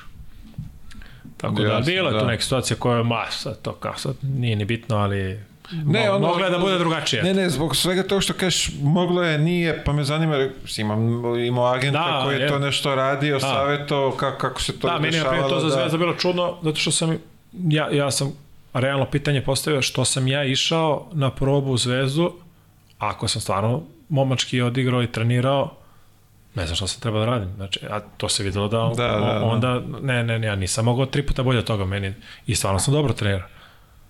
I ovaj, nije bilo poente. Ja sam odigrao stvarno vrhunski tad, bez neke sve kao skromnosti, ali nisam prošao jer kao mlad sam i kao mnogo sam agresivan za koš, pa kao playmaker da bi uopšte ostvario neku asistenciju mora da napadne koš. Ako driblam na 18 metara od koša, ne mogu da imam ni asistenciju, niti da razigram bilo koga. Dobro, tu se ovaj, razni su izgovori, to, tad se e, priča na ovaj... Ne, ne bitno, sad kažete, ja se time ne bavim, niti sad bilo koga osuđujem, niti upirem prst, niti sam nešto sad kao kivan, baš ne. A dobro, to je i za nas, prošlo je popričan broj godina. I, i godina dana posle toga nisam imao ošte nikakav problem sa tim, jer jednostavno tako je kako je i i sad ti su tu ovaj, da, da neke stvari menjaš, a da to jednostavno znaš da nema tu menjanja kao i za druge stvari u životu. Ne, nemam problem s tim uopšte, baš nula. Ali samo da je bilo tako kako je bilo, bilo to. Ono što ja znam, a za ostale detalje, Jasno, to da. neka drugi ovaj, komentariš. Pa dobro, vidi, zanimljivo je bilo osvrnuti se na ovu celu, da, celu tvoju karijeru. Podsjetio sam samog sebe. Čuti, čuti te sve ovaj, anegdotice, priče, dešavanja, kako je to sve izgledalo. Ovaj, baš mi je drago. Uh, recimo neki planovi za dalje, šta, ili imaš, kako to izgleda? Pa u okviru, da u okviru svog brenda planiram dalje da se bavim poslom kojim se bavim ovaj, uz neka možda širenja, ali ne preterana, jer generalno nisam pobornik nekog preteranog kvantiteta, nego kvaliteta. Ovaj, volim da to radim temeljno i precizno, pa makar to bilo, što se kaže, dva artikla mesečno. Uh, malo sam nadogradio uz neke teksasare, radim i odela po meri, između ostalo ovo što sam ovo su moji neki touch lagani ovaj, sa, sa postavama i tim stvarima, gde generalno ljudi mi da daju odrešene ruke, ovaj, odela po meri, u to sam ušao pre par godina, ove godine to onako uzelo, uzelo maha u nekom lepom smislu, ne preterano, ali onoliko koliko mislim da je kao, kao obzirom na kapacitet, na sve koliko možemo da da izguramo, ovaj, ljudi su zadovoljni, taj neki krug ljudi koji nisu moji se negde vraćaju, šire, ovaj, neke pozitivne reakcije su ovaj, feedbackovi postoje i ja ovaj, mislim da je to neki pravac koji, koji treba da neguje. Uvijek je teško naći dobre saradnike, ne zato što sam ja zahtevan ili nisam, a generalno jesam, a nego zato što generalno u dosta stvari što se tiče zanatstva izumire i sve manje manje dobrih majstora. Ja se nisam školovao za dizajn i za krojenje, dosta toga znam, znam i kako neke stvari kod krupnih komada mogu se promene, zašto nešto se radi, koje repromaterija se koristi, to sam ovaj, učio o tome na neki način, e, nosim to svaki dan, osjećam, živim taj život i, i nekad ovaj, mi čak i ljudi koji su u branši pod 30-40 godina kažu kao dosta znaš, kao gde si završio školu, rekao nisam nigde završio školu, niti... Samouk. I de, generalno jesam samouk za ove stvari, jesam samouk i za to kroz rad učim, zanima me to, volim to, nekad je jako naporno i traži ozbiljno strpljenje i preciznost, ali to mi je neki plan da, da pored se zvara i svega toga što radim, da, koje sam dostigao na neki ozbiljan nivo, bar ja tako mislim, da je ta priča dobije nekog svog, već je dobila neki zamajac koji je korektan, i ja iznad toga ne bi čak ni išao po svaku cenu da ne mogu da postignem taj kvalitet koji želim. Tako da... Pa ja se nadam, evo iskreno sad vidi, nadam se posle ove emisije kad ljudi vide kako smo ovako lepi, utegnuti, kako smo uklopili ove bojice, da će da. se javiti. Uh, da i ovo, gde beše uh, Instagram, ona stranica? Da, VT Mašna, VT Mašna Instagram stranica koja postoji već 8-9 godina, ja 10 godina radim. Tu izlažem svoje neke dnevne aktivnosti i onoga i da kažem work in progress i tih stvari kako se izrađuje mašna, ima tu i stvari koje je vezano za odela po meri, kravate, čak često ni ne mogu da, jer to zahteva ozbiljno vreme, da ni da prikažem sve što sam uradio. Jasno, jasno. Radnja, ako sam da kažem. Slobodno, pa da, to dobro. je sad moment. Radnja koje godinama od prvog dana od kad sam počeo raditi maštne, izlažem svoje proizvode i generalno samo tamo izlažem, jer za sve, pa i za to volim da imam bazu. Volim da, eto, neku prepoznatljivost, da li to ovo ili ono, volim da neko kad pomisli na mašnu, da ode direktno u radnju da izlaže 10 godina. To je radnja Lavli, multibrand concept store u okviru kog ja izlažem svoje proizvode i mašne kravate i, i ostale stvari koje sam pominjao. I ovaj, u okviru toj radnje ima veliki izbor, ne znam, preko 200 mašni, 350 maramica, 100 kravata i svakome kome treba danas za, za danas ili za sutra ili svako ko nije siguran šta hoće, može da ode tamo. I bilo nekih pregovora za neke druge lokale, ali generalno ja volim da, da imam bazu i neretko se dešava da neko ko je bio pre 5 godina da pet godina nije pomislio i da mu kao treba mašna i dođe. Da, da, zna dođe u da radnju, dođe u radnju, bez obzira da zna mene ili ne zna mene, on dođe u radnju, zna gde treba traži, jedino ako mu treba nešto specifično, onda me kontaktira. Carski.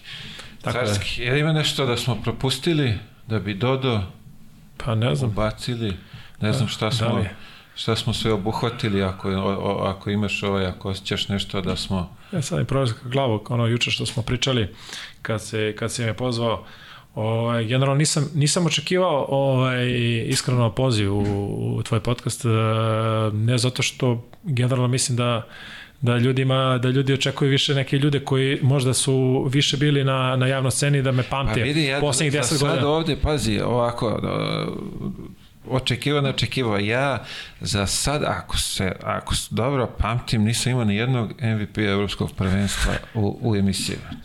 Bez obzira, bez obzira na nivo ovaj, uzrasta, šta već. Pa evo, ja se ne, ne, ne sećam se. Vanja, ispravim ako grešim. MVP-a nekog evropskog prvenstva svetskog još nisam ugostio. Burke nikad nije bio. Pa ne, Gurke tek po, u seniore u, ušao u repstaciju, znaš da nije, nije. Bio prvak. Nemam pojma, ne znam, evo sad možda... Ili, Sad treba da se postidim. Pa ne, ali... Šale se, šale se, naravno. Vidi, meni je zanimljivo ne, to. Ne, ne, lepo je, lepo je, mislim, kažete, ja sam razmišljao, baš sam gledao tvoje neke razne... Si, hoću kažem, imao si veliki potencijal, to je bilo u jednom momentu u, u, u toj generaciji, posle kad sam izlistao imena ko je sve tu bio, A, nije, nije Ako- za zanemariti. Treba povezati sve to i Da. ovo što radiš isto mi je drago, drago mi je ovaj, da si pokrenuo taj preduzetnički način života, podržavamo, Jaka. kako se kaže, ovaj, podržavamo ove male biznise. Da, Ljudi, neka. ako hoćete da budete utegnuti, lepi, utegnuti to mora sami da se Da, da, potrudite, da, ali ovde da da, da, da neke ove male detalje, da, da, da lepše izgledate svadba. Proslave, evo da imate da se obratite, naći ćete, izaći će vam u susret, može da vam saši ovako neko lepo odelo. Tako da, bar. Ovaj, a da ono što je lepo što u ovom poslu kogod da je naporno lepo je što čovjek uh, ima taj lični odnos samo u ljudima. I to neko poverenje koje stekneš od ljudi kroz godine da ti kažu e, nosit ću to i to ili reci mi šta da nosim i šta da kombinujemo s to što ti kažeš i to mi je najlepša stvar od svega i zaista uživam u tome jer uh, ovaj, to govori da ljudi cene to što rade. Nešto se ošte kupe, svako može da kupi, pa neko pokloni, pa da to ima svoj neki pravac, pa neko to je dobije mimo svoje volje, ali neko kad dođe namenski kaže Da, da. šta god mi ti kažeš ja ću nositi. Nije stvar o tome, niti je to sad meni pumpa ego u tom smislu, ali s druge strane je lepo da čuješ od dosta ljudi koji imaju poverenje kad, kad im radim i pogo- po- pogotovo neke preproke, detalje na odelima ili koji aksesuar da, da ukombinuju to je nešto što, što mene ispunjava, ume da, što kaže, ja volim taj lični odnos i ljudi te svojataju i onda te smatraju drugarom. Jasno. I ja to volim, zaista me, ja uživam u tome, ne, ne, naš, baš dosta imam sada nekih mušterija koji su mi postali poludrugari, kojima imam odnos koji komentarišem, ne znam, utakmicu od Denvera, ali ili reprezentaciju košaci, a pričamo o maštama, kravatama ili ne znam čemu. Ovaj, tako da to je jedan lep, lep ovaj, posao koji, u kome sam se pronašao i kome stvarno uživam. Zato, Divno. zato, divno, zato i, i, i opstajem. divna, puna podrška. O, o- Hvala, od takođe. Mene, od nas, ovde podcastera, ovaj, kako se zove, nadam se da ćemo sad malo skrenemo pažnju i na to, ako ljudi ko ne zna, da, da možete zaprati tamo, da nađeš tamo treba. Uh, se ja zezam, nije, Ama, v, ve, se- nije VT mašne kao, kao Veljko Tomović mašne, nego kao volim te mašne. Tako da, pošto nisu Tako bile, pa to je- to je zavisi kako ko gleda. VT na Da. kraju ja kad se potpišem, to nikad ne znam šta znači. tako je. Može i ovo i ono. Šalo na stranu, ovaj, ali, ali ovaj, bitno da je prepoznatljivo i da ljudi cene. Pa vidi, mi koji Mislim, znamo generalno neka da, neka, neka, neka ona, ona kao satisfakcija šire narodne mase i javnosti je bila kada, ne znam, Ivan Ivanović u TLZP-u tvoje lice zvuči poznato kao član žirija nosio moje mašne njemu jedno veliko hvala u tom momentu sam me pozvao, ja sam mislio sa neki drugar zeza i onda je on rekao kao ne, ne, ne, ja bit ću tu, kao video sam tvoje stylinge i to što, kako radiš, donosiš i da, i vola bi da, da nosim stvarno, niti je, što se kaže, plaćena reklama, niti bilo šta, i ispravo je stvarno Jack, pritom se mi ne znamo. A kasnije je u emisiji poklonio Novaku Đokoviću i Novak Đoković ima, to je bilo pre 6-7 godina. I ono što je meni simpatično, što ljudi to povezuje kao da, da, ti si uspeo, ti si super, ti to super radiš zato što nosi on. Veliko poštovanje i veliko hvala i jednom i drugom, ali ja kažem, ono, ambalaža prodaje proizvod. Jednom. Drugi put ne. Da, da. Drugi put ne. Lepa kutija, lepa ambalaža, lepa... Čekaj, sad kad spominješ sve to, morate prekinem, je li bio još neki voditelj ovaj sa, tvo, sa ovom Ova, ovoliko visok nije sigurno. Ovoliko visok, da, evo vidite. Kako smo se lepo dotegli. E, Dragi moji prijatelji, gledalci, ako želite da i u buduće nosimo ovakve ove Klas. outfite, jedno veliko ne. podelite, lajkujte. Šalim se, nadam se, ovaj, meni je bilo komfortno, nisam se zadavio, ovaj, ne steže, lepo izgleda, ako se makne polje, mi, da, lepo stoji, lepo. Estetika sa Ovaj, funkcijom. Tako da, ako hoćete da budete ovako komfortno, udobni, lepi, šta već, zapratite čoveka, radi dobar posao, a vi zapratite vamo stranice, podelite da se čuje priča, znači će nam, mi smo jedna mala preduzetnička firma na, na, na, na začetku. Šmrc, šmrc. To treba nam, treba nam podrška. Vaše malo nikad nije malo. Pa to za nas. Nama, za, nama puno znači. Za nas znači mnogo. Da. A, šala na stranu, ali podržite nas i kako se zove, nadam se da ste uživali kao što sam ja uživao u ovom razgovoru. Gledamo se već sledeće srede.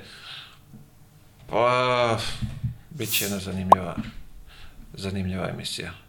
Pozdravljam vas i do gledanja. Prijatno. Prijetno.